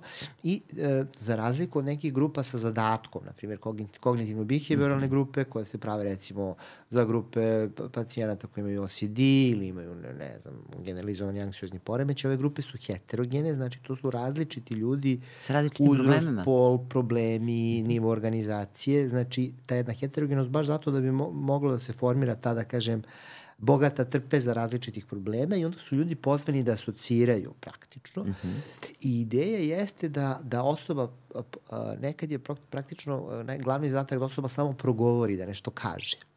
I ovaj, a, vi imate, znači to je sad mala grupa, pa sad ka, kao što imamo, kao što živimo mi u srednjim i u velikim grupama, postoji, postoji te srednje grupe i postoje velike grupe i može da se radi, a, da kažem, analitički u sva tri tipa grupa. I sad, ideja je, recimo, na primjer, u srednjoj grupi samo dovoljno da neko nešto kaže, da progovori, da nađe svoj, da se javi, da kaže svoje mišljenje, ošte anksioznost, po bilo čemu, nečemu što se priča. Ne mora da bude, nema tema. Samo izgovoriti A šta, nešto... šta recimo neko kaže? Neko uzme, sad, ne, ne znam kako, e, kada vi skupite ljude u srednju grupu, sad to ljudima koji nisu analitičari zvuči čudno, kao šta, priča, izlaze neke teme, uglavnom, izađu neke teme i lične, nekad izađe neka socijalno-politička Ka, tema. Kaže, juče sam Evo sad, kod mene na grupi izašla, izađe tema o akušerskom nasilju, na primjer, mm -hmm. i sad ljudi pričaju okay. o tome. I sad drugi asociraju, dodaju, i, i mi sad slobodno, i svi su pozvani da kažu što god im padne na pamet, E sad da vidiš što je interesantno. Jednostavno, e, pravi se ta neka mreža asocijacija Jasno i mi je. preko toga u stvari probamo da simbolizujemo. Nekada anksioznost najbolje izađe kroz te nestrukturisane stvari. Mi onda probamo da razumemo, jer ideja jeste uvek da se nekako ispriča neka priča, a mi je ne znamo unapred. Mm -hmm. Mi probamo, probamo da pričamo priču o sebi. Ispričati priču o sebi je u stvari najlekovitije. Probati, mi mora probamo da ispričamo priču o sebi. Da, evo Tako recimo... leči većina terapija koje koje su, da kažem... Koje su u, u ovom iz ovog modalitetu, spektra, da. da. E sada upravo, evo recimo pomenuo si recimo tema ginekološkog nasilja. Mm. To je neminovno izazvalo strah i anksioznost kod ljudi. Jeste. Pretpostavljam, da, jel? Da. I onda su oni počeli da asociraju i da pričaju o svojim strahovima. Jest. Mislim, prosto da pojasnimo ljudima kako izgleda grupa. Da. Dakle, oni ne moraju dalje da pričaju, neko će sigurno da se nadoveže i da ima stav u vezi sa ginekološkim naseljem, a neko će da iznosi neka svoja lična iskustva o strahovima, nešto što nema apsolutno veze sa temom. Jeste, ideja grupe nije to debata, to nije Tako ni debata, je. nije ni fokus grupa, nego ti mm -hmm. ulaziš sa nekim neznanjem i onda nekako tražiš da probaš da razumeš sebe. Nije ideja da se ti boriš za nešto projekt, pro, projekt kontra. E pa to je jako važno. Da. E, to je nekako, ideja jeste u tome da čovjek treba da proba da se otvori, da, da bude hrabar, da bude ranjiv, jer to je ideja, da se mi nekako, uh, da, da, da probamo da rizikujemo i da na neki način uh, damo poverenje i da, da sad to čudno zvuči, ali ti nekad pričaš ono što ne znaš mm -hmm. i mhm. drugi ti vraća. U grupi se dešavaju ti razni neki procesi, ogledanje. Mislim, sama grupa je uh, uh, ima mnoge faktore lekovitosti, da kažem, brojnije nego individualna terapija. Uh, kako Jalom kaže, to je lekovita kupka grupe. On je poredi sa kao ovsenom kašom koja se, kupkom koja se koristi za lečenje dermatoloških e, pacijenata. I oni su se potapali u ovsenu kašu, tako pacijenti kad dođu se potope u lekovitu kupku grupe. Pored anksioznosti rade mnogi drugi faktori e, koji su mm, univerzalnost, ti vidiš da i drugi imaju te probleme, pa nada, da. vidiš da su se drugi popravili, pa to da ti drugom pomažeš i to je lekovito, pa onda ovo što sam pričao, najuže, interpersonalno učenje, ti gledaš šta ti radiš drugima, na najbolji mogući način možeš da vidiš kako se ti ovaj, kako se zove, kako se ti ponašaš u spoljnom svetu u tom mikrokosmosu grupe, pa onda ima taj čuveni fenomen kohezivnost grupe, grupe koje su kohezivne, koje imaju, mislim, rade zajedno i stiče se taj zajednički grupni, one isto, e, tale COVID ne, ne znamo mi tačno šta se dešava, ali kada se uh, umovi sinkuju, s obzirom da je um, um mreža, povežu se, ovaj, kako se zove, dođe kao do nekog networkinga i mnogo brže ide, dolazi do nekih promena i sad ima čak i to, postoji interpersonalna neurobiologija koja yes, objašnjava yes. to na wire together, nivou, fire da. together, znači ono kad se umreže, mm -hmm, mnogo su snažni mm -hmm, impulsi mm -hmm. dolazi do prosto nekako otvaranja i itd. itd. Znači, to je negde ovaj, uh, mislim da je to, da, je, da taj deo male analitičke grupe bi mogao da se primeni na širi kontekst i društvo i sve to uopšte biti uh, na neki način otvoren, poverenje, razumevanje, simbolizacija nečeg, priča. Da, ali kako poverenje kada živimo u vremenu krize poverenja? E, pa to jeste, da. Sad to je to... sada problem, da, veliki. Da. Međutim, kada si rekao grupa, e, pomenuo si tu veliku grupu, ono što je meni fascinantno, nisam nikada bila, a volela bih da prisustujem uh -huh. tim grupama koje u stvari imaju preko nekoliko stotina. Da, preko stotinu mogu da imaju, do 400. Do 400 jeste, da, ljudi da, koji da. u stvari prisustuje i koji su svi deo grupe. Koji su svi deo da, grupe, jeste da. da. To je, sad ta grupa velika je uglavnom za stručnjake, uglavnom da. i na kongresima, da. ona nije baš za mm -hmm. analizu tih uh, možda ličnih, intimnih Jasne. tema, ali ona pokreće razne neka pitanja o identitetu, rodnom, etničkom, uh, razne neke sukobe nacionalne. Tu se aktivira to nešto što je socijalno nesvesno I, ova, I tu svašta isto može nešto... Ali anksioznosti su velike, to su te psihotične anksioznosti, ljudi, ljudi, ljudima je teško da progovore, ako nešto kažu, niko ne odreaguje, mogu da se osjećaju loše, mogu da budu strašno uznemireni, ali Zbog to, izolacije. Zbog izolacije, da. Mm -hmm, da, da, mm -hmm, da. Mm -hmm. E sada, ovaj, ono što imam potrebu da kažem, to je da očigledno grupu treba shvatiti da, ozbiljno. Da, da. Ovaj, malo se šalim, zato što u stvari ti si pisao predgovor za knjigu da, da, da, da, koja da. se zove Shvatite, Shvatite grupu ozbiljno. Da, Tako je. Autora? Farhada Dalala, da. To je jedna knjiga koja je kao neka vrsta uh, da kažem, malo je i repetitorijuma grupne analize i toga neče kuda grupna analiza, to ide u, u budućnosti.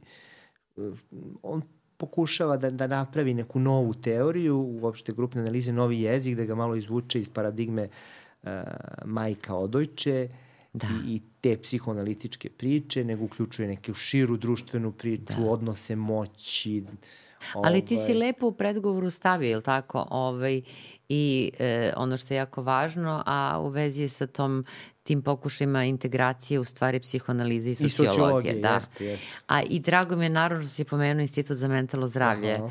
i što si pomenuo u stvari rodonačelike grupne terapije, terapije kod da, nas. Da, Milana Popovića Tako je. U stvari, profesor Antonijevića, Dušana Petrovića. Tako da, je, da, da, to su zaista da. sve velika imena srpske i da. psihijatrije, a evo vidimo i grupne psihoterapije.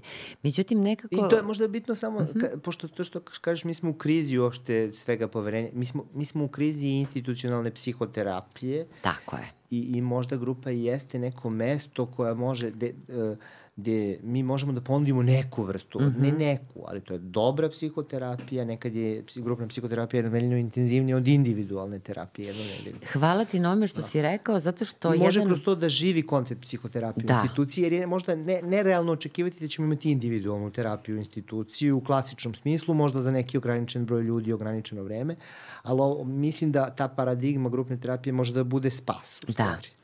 Kažem, zašto ti se zahvaljujem? Zato što jedan od komentara e, koji se nekako provlači kroz različite epizode, a koji je apsolutno tačan, stoji, jer nama se javljaju naravno i mm. ljudi koji idu kod psihijatra, da imaju jedno negativno iskustvo, a to je da odu kod psihijatra, da ih primi na pet minuta, da im propiše terapiju i da je to kompletna kontrola. I upravo ovo što si ti sad rekao, poentirao si, dakle uvek kad vidim da pacijentu je potrebno više vremena posvetiti, a svi smo u stisci sa vremenom, jer ako imam 20 pregleda za 8 sati, ja ne mogu da posvetim dovoljno vremena svakom čoveku e, onda upravo šaljem kod jednog dragog mm. kolega koji se zove Danilo Pešić. Mm.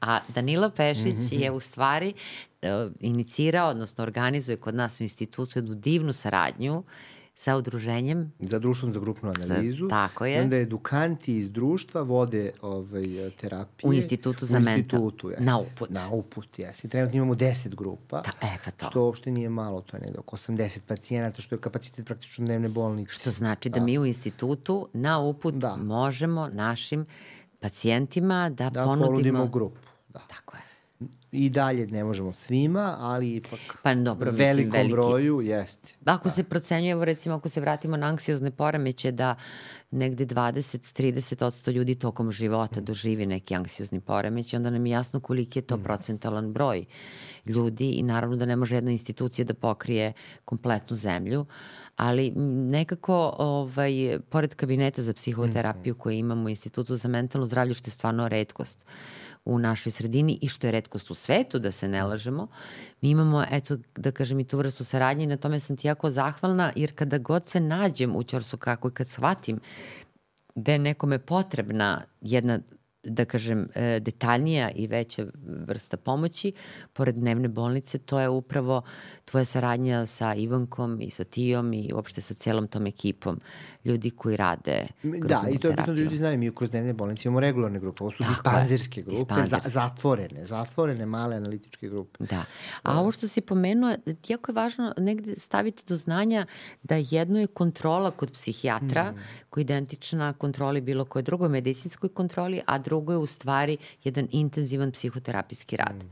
Mislim, u krajnjoj liniji to postoji, da kažem, i u telesnoj medicini, jer estetska hirurgija na, ne, ne radi se u privatnom se, u državnom sektoru. Stomatologija da. takođe, nažalost, je poprilično ugašena.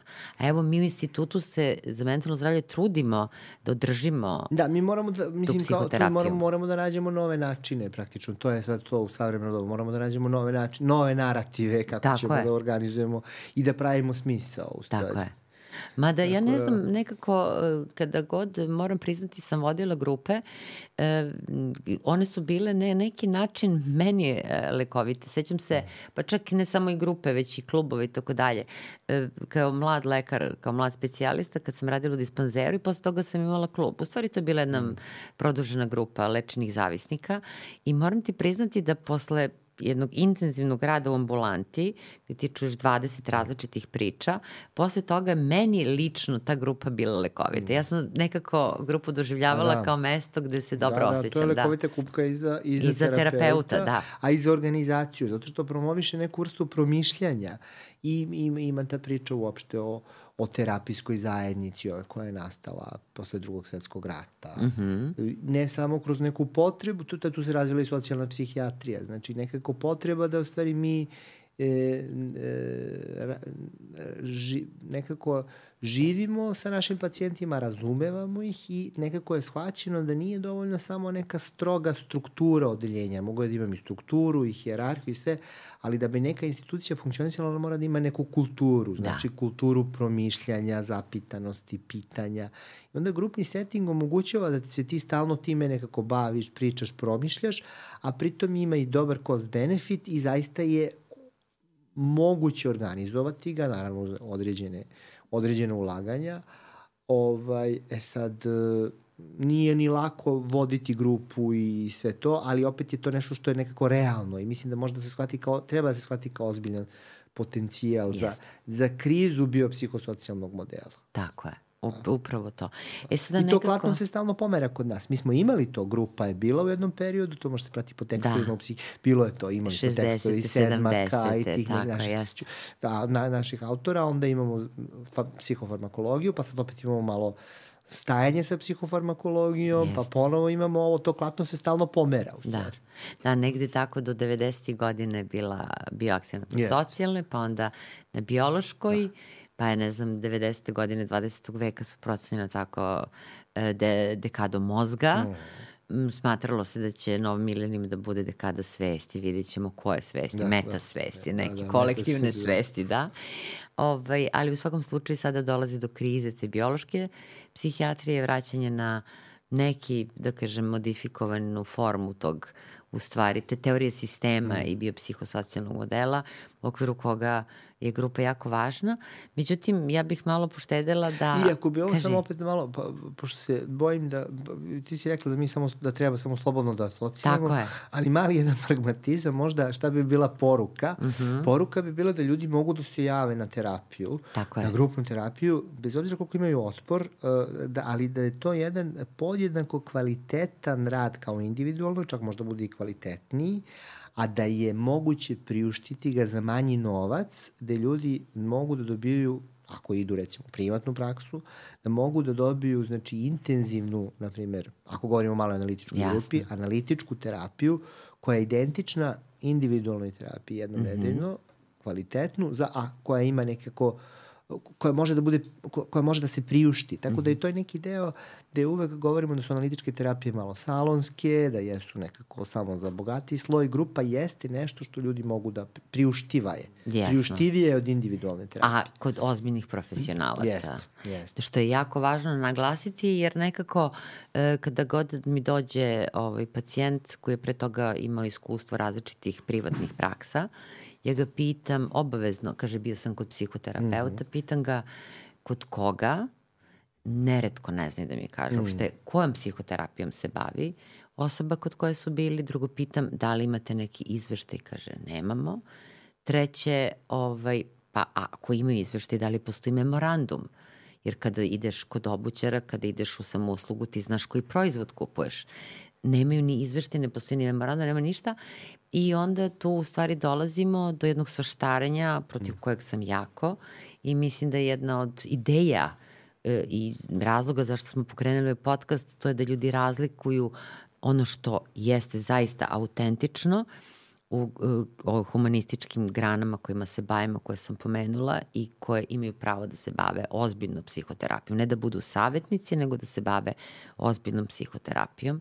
A između ostalog, da kažem upravo što si sad pomenuo, grupna psihoterapija ozbiljna, kod ljudi koji su ozbiljno edukovani, daje mogućnost da, eto, i ukoliko čak se odluče za privatnu praksu, da za mnogo manji novac. Mm.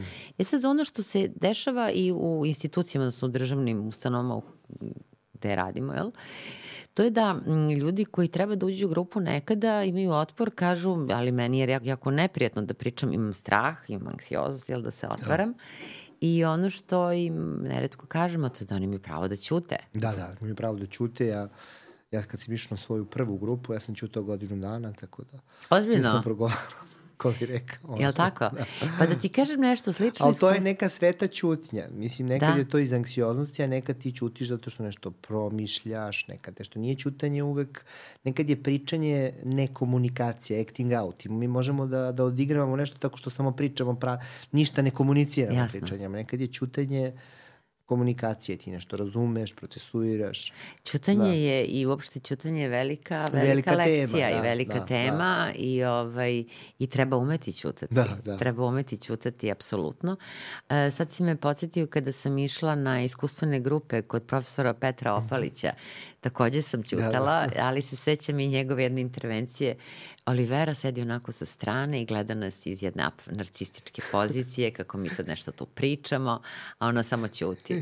A u stvari razlog je bio krajnje prozaičan, jer to je bilo ono vreme kada sam ja ovaj, e, specializirala psihijatriju, a istovremeno radila neku emisiju na Beka televiziji i onda mi je ta grupa bila u okviru mog magisterijuma i morala sam da jurim na televiziju, tako sam gledala na sat da se završi i da idem dalje. Nisam nešto baš bila motivisana, da, da, da. mada je on to stvarno sjajno radio. Nisi ušla u kupku. Apsolutno nisam ušla u kupku. Umočila si. Ne, ne, ja sam pola glave bila već na televiziji i spremala svoju emisiju sa sve onako frizurom koju mi je radila ovaj, neka žena, nebitno sada koja, ali ovaj, u svakom slučaju da. Tako da nekada mogu razlozi da budu prozaični, što ne znači da ja nemam jednu svoju dozu narcizma koju priznajem. Roberto da. ja smo otvoreno rekli da, da imamo jednu dobru dozu narcizma. Da, ja je priznam. nemam. Ti je nemaš. Sigurno. Jasno mi je. Bože mili. Pa da li može da nemamo narcizma da se bavimo pomažućim profesijama? Da. Moramo da imamo, naravno, da. Tako da, ovaj, da, da, ali ovo što si rekao, ćutanje je fenomenalna stvar i fenomenalna tema. Da. Da, zato što koliko možemo kroz tišinu i ćutanje da naučimo. Izuzetno mnogo, da. Ako, ako, ako, umemo, ako umemo to na dobar način. Ukoliko, naravno, ćutanje ne proizlazi iz straha. Mm. E sada, ovaj, malo bih te poštedela, zato što zaista ovaj, planiramo da napravimo jednu epizodu Ivanka i ti, da napravite u stvari jednu epizodu ovde u dva i po psihijatra, da budete gostići. Moram da budem i I, i, ovo, I ti, Ivanka, apsolutno. Pa pobogu vodite grupe. Mislim, šta vam je to problem? Da vodite podcast. Ali ovaj, nekako, pomenuli smo jednu jako važnu temu u vezi sa strahom, odnosno ti si pomenuo e, malo pre, a to je hrabrost da živimo i strah od života koji neretko u stvari i generiše strah. Mislim sada pričamo uopšteno o strahu kod svih ljudi, da. Pa da, mislim zato što uopšte taj, to je zanimljiva priča o, o kukavičluku. Kukavičluk, mm -hmm. šta je kukavičluk? kukavičluk? A šta je hrabrost? I šta je hrabrost kao antidot kukavičluku, mm -hmm. ali kukavičluk ako ga definišemo sad iz, da kažem, ove naše uh, pato perspektive, mm -hmm. to, je, to jeste neka mešavina uh, tih anksioznosti povrede i anksioznosti odvajanja. Jer ti kad si hrabar da, na primjer, izneseš svoje mišljenje ili da se čak i fizički sukobiš, ti rizikuješ da možda budeš i ponižen, tako što ćeš da kažeš svoje mišljenje, možeš da budeš mhm. ostavljen mm -hmm. od strane neistomišljenika ili od prijatelja koji... Ali ti si spreman da, da, da izno, na primjer, sad, uh, moralni kukavičluk da kažeš neki svoj stav ili neki intelektualni kukavičluk, da, to jest hrabrost, mm -hmm. da mhm. kažeš ili ne kažeš, podrazumeva da ti trpiš posledicu, a posledica možda bude to da će ljudi da te ponize, da će to biti nešto što nije prihvaćeno, da ćeš da, da, ćeš da osjetiš tu vrstu povrede i da ćeš da osjetiš možda povrede da te neki ljudi napuste zbog toga svega. Mm -hmm. I ti da bi bio u stvari hrabar, ti moraš da tolerišeš te dve vrste uh, ovaj, kako se zove, anksioznost. Apsolutno, pri čemu e, ljudi recimo mogu da imaju kukavičluke u jednom segmentu života, a u drugom, a u drugom ne. ne. Da. da. da. Da. Recimo, e, ljudi koji kažu ja sam apolitičan. Da. Da li je to u stvari jedna vrsta, da li to može da bude Prvo, jedna to vrsta? To nemoguće, jel to je kao nemoguće, jel tako? tako ne je. možemo da iskoračimo iz... Iz društva da, u kome živimo. Da. da li onda to može da znači recimo da kod tih ljudi postoji strah od iznošenja političkog mm -hmm. strava, stava? Da, da. moguće. Mm -hmm. da, mhm. moguće. Ili recimo, ja ne volim da iznosim svoje lično mišljenje. Da a pri tome vidiš da pred sobom nemaš osobu koja je zatvorena, već koja je socijalna, druželjubiva i tako dalje, jel? Da. Da strah u stvari od procene mm, drugih, mm, da. Mm. Da, koliko može u potpuno različitim segmentima. Ili recimo, pazi, sada reč kukavičluk ima stvarno onako jednu jaku notu, jer i obično se dovodi u vezu, kažem, opoziti sa hrabrošću i obično se dovodi u vezu, naravno, i sa patriotizmom i tako dalje, mm. a u stvari kukavičluk ima daleko šire značenje. E, u najšerem smislu te reči, da ne budemo pogrešno shvaćeni. To je ono kad ti kelner recimo donese uh, espresso, a ti si naručio kapućino. Mm -hmm. I onda ćeš da napraviš, je li tako, kompromis? Jeste, jeste. Pa ti... Uh, Jer nećeš reći ništa, nema nećeš, veze. Da, da, da, kao nema veze, ti si u stvari, i sad ti nekad, uh, ti, uh, ti si kao, ne, ja, kao, misliš da si neko ko je pun razumevanja, a u stvari si ne, ne smeš da kažeš neću to, donesi mi nešto drugo. Tako je. Da, da. I postoji isto još jedan termin koji ljudi neretko pogrešno koriste, konformizam. Mm -hmm. Misle da su to ljudi koji vole udobnost, mm -hmm. komfor, a u stvari nema veze, nego je konformizam, je li tako, fenomen kada se ljudi prilagođavaju tuđim stavovima. Mm -hmm. Koliko to može da ima veze uh, od, koliko to može da, po tebi da ima veze sa određenim i strahovima i sa kukavičlukom, da?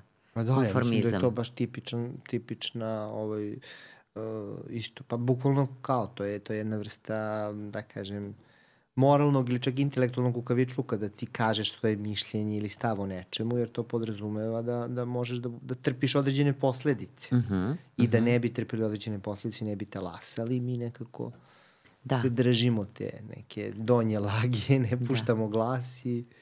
E sad, aha. Mislim, razni fenomeni mogu da se povežati s anksioznošću. Imate Tako super je. zanimljivu teoriju o, recimo, prokrastinaciji. Odlaganju. Kao odlaganju, mm -hmm. kao mešavini toga. To su, to su kao mikrokukavičluci gde se ti bojiš praktično da se suočiš sa nečim. Jeste. U stvari. Jest. Da se suočiš i da na neki način kažeš Sločio sam se, nisam uspeo ili ne znam, da bude, da sediš sam i nešto čitaš, da si sam sa sobom, to je isto neko odvajanje, moraš da se, da trpiš neku separaciju, neku anksioznost, da sediš sam sa sobom i ti u stvari nekako kroz to su mali kukavičluci, nedostatak, ti odlažeš i odlažeš i sa tom obrazlažemo na razne načine. Jeste, i uvek opravdavamo da, na određene da, načine, da. Sad Ili... mogu da pričamo o sebi, ali neću. Takođe. Ajde, da preskočimo da, da, da, sad malo ovo. ovo ipak je... Ne, ne, ovako ćemo da kažemo, posvetit ćemo posebnu epizodu, da. tako, uopšte tom odlag, da, odlaganju, odlaganju. Jeste, odlaganju. Ili recimo eskapizam, mm. bekstvo. Ono što se sada sve više dešava, e, neretko čujem recimo ovako, kažu mi, e, u svakodnevnom životu mm. ljudi, kaže, e, dođem kući i onda imam potrebu da se odmorim tako što dva sata igram igrice. Mm.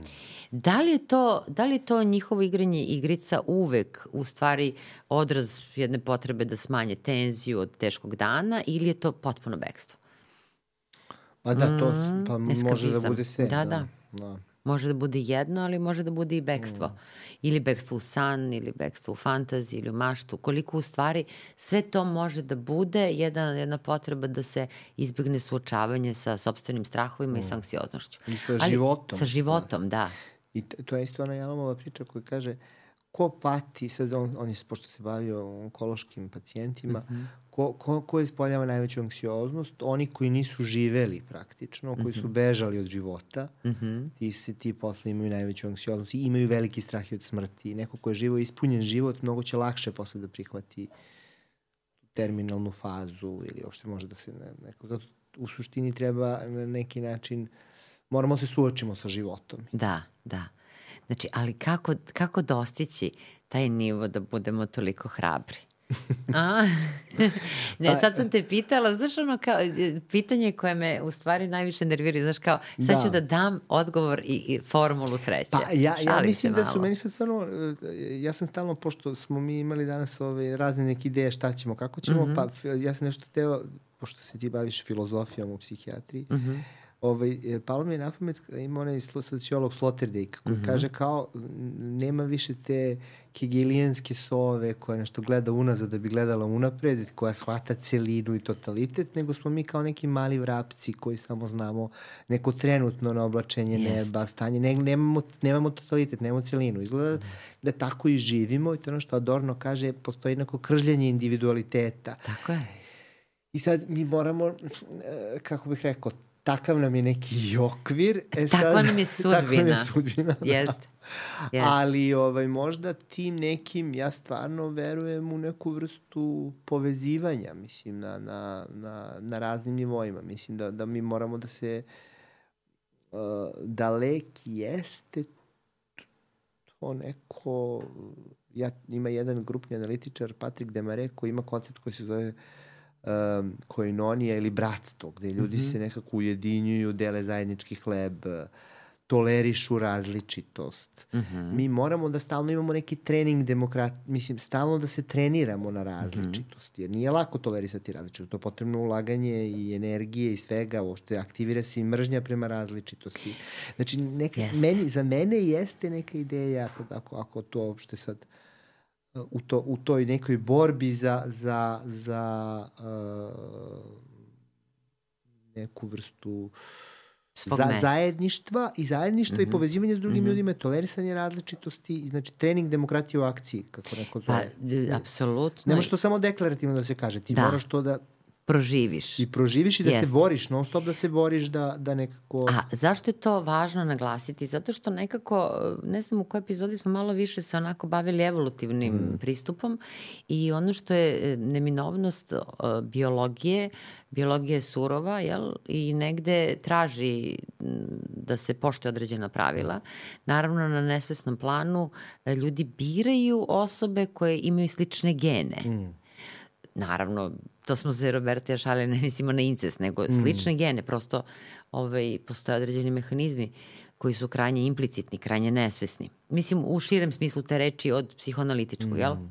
E sada, upravo kada je, postoji različitost, mm. to pravi tu vrstu biološke Jest, je. jedne mm. tenzije mm. među ljudima, koju mi kao socijalna bića moramo da prevaziđemo i da naučimo. I zato upravo ovo što si ti sad rekao, učenje demokratije je potrebno stalno iznova. To je da, to je, to je, da, ne može da se, to je stalno, ovaj, to nije statično Tako je. I mora stalno da se boriš sa tom, pa to je ta neka priča o, o, o narcizmu malih razlika, mm -hmm, gde mi mm -hmm. ne mhm. možemo da podnesemo, mislim mm -hmm. to, ovaj, onda uopšte priča o, priča o narcizmu, mislim, narcizam jeste, jeste na jednom nivou jedna vrsta uh, nama narcizam, ako opet ja ne znam bolje od medicinske metafore, nama je narcizam kao neka vrsta e, psihološkog sistema koja nam, kao neki, to je psihološki imunni sistem mm -hmm. koji kaže ovo sam ja i razlikuje ja od ne ja. Kao što bela krvna zrnca napadaju nešto što je strano, tako i psihološki narcizam nama drži da odbacujemo strani uticaj, stranu ideju, stranu, i često ćemo da napadamo ne samo o, nešto što je strano, nego i ovaj, kako se zove, uh, neke naše aspekte koji su sposobni da se povezuju mm -hmm. s mhm. drugima. Znači, nekad prosto mi ni ne želimo to da radimo, ali to ide kao neki algoritam u nama, psihološka, a, kako bih rekao, anafilaktička reakcija na drugost. Na drugu na drugost. Osobu. I mi mm -hmm. moramo to, mi moramo praktično da se trudimo da uh, da e, povezivati se nije, nije, nije lako, tolerisati tu različitost. Tako je i sada, šta se dešava i zašto sada mi o tome pričamo, a tema anksioznost... A to je jako lako može da bude samo ako neko mrtvo slovo na papiru. Nama je to neophodno da stalno radimo i proživljavamo i u našim organizacijama i u našim institucijama i, I u svakodnevnom životu. I u svakodnevnom životu, da. Jer zašto sad kakve to veze ima sa anksioznošću? Velike. Neretko se dešava da ljudi kada osete strah, taj strah u stvari menjaju jednom drugom emocijom koja se zove bes i mm, agresija. Mm, mm. Neki ljudi to prepoznaju kod sebe, neki ne prepoznaju. Nekada i mi kod drugih prepoznamo ili ne prepoznamo da ispod ljutnje u stvari leži jedan mm. neverovatan strah. Mm. Sećam se ovaj, jednog starijeg kolege. E, I sad kad si, mm -hmm. ne, zaboravio sam kad si, kad, pa, palo mi napamet kad ste vi pričali o genima, odatle kao genocid, da ti nešto da potpuno da oni su stranci, Tako je. uništi ih. Tako Praktično je. čak i na tom kulturnom nivou da, da to anksioznost jeste sociokulturni fenomen. To mm -hmm. nije, životinje imaju strah, nemaju anksioznost praktično. Anksioznost nemaju strepnju. Je, nemaju strepnju. Anksioznost je to ono što smo rekli, angst povezana zaista sa tim našim uopšte doživljajem. Kon, mi, mi mislimo o smrti, bojimo se smrti, bojimo se konačnosti mislim taj to svet, životinje nemaju. to životinje nemaju. Dakle, anksioznost ne može ni da ne možemo da pričamo o anksioznosti samo iz neke uže biološke perspektive. To je sociokulturni fenomen. I zbog toga nekako mi je drago što smo ovu epizodu posvetili upravo toj priči o značajno drugom. Mm. Odnosno, koliko je način prevazilaženja sobstvenih strahova, koliko nam je za način prevazilaženja sobstvenih strahova potreban drugi, mm -hmm. potrebna bliskost, potrebno uspostavljanje bliskih relacija i, da kažem, nekako ljudi u koje imamo poverenje u ovom vremenu, na globalnom planu, gde postoje jedna kriza poverenja, koliko je važno razvijati to poverenje, mm. da. Da, i, i, i stalno da pravimo neke tehničke alate. I zato nam je grupa dobar medijum, razne vrste grupa, plenum, Grupacija. diskusije, ovakve neka promišljenja, to nam Tako nekako po, pomaže da da probamo da, da se nekako plivamo. Grupa ljudi koji se povezuju na socijalnim jeste, mrežama. Jeste. Znači, uopšte nije važno koji je modalitet grupe. Jeste, da li je terapijska jeste, grupa jeste, ili grupa... Jeste. A posebno to ima, to je, to, to posebna vrsta, to sad kad si me podsjetila ima jedan autor, Haim Weiberg se zove, on se bavi virtuelnim grupama i bukvalno pokazuje kako grupe čak i ako nemaju klasičan setting strukturu da može svašta nešto da se razmeni na, ne, na društvenim mrežama, on to proučava i tu isto i emocionalno i terapijski da bude, sad to je ta druga strana, nisu društvene mreže samo loša stvar. Apsolutno ne, da. ne. Ne, tako da zbog toga mi naš podcast i širimo da, po socijalnim da. mrežama. Da. Hvala ti Danilo što si Hvala bio tebi. danas ovde. Hvala. I što Iako si, deo... si izložila anksioznosti različitih tema. Jel tako? Rekla si mi jedno, onda smo išli nešto drugo. Pa dobro, dobro, to je... Ali ti si analitičar, slobodno smo asocirali. Da, da.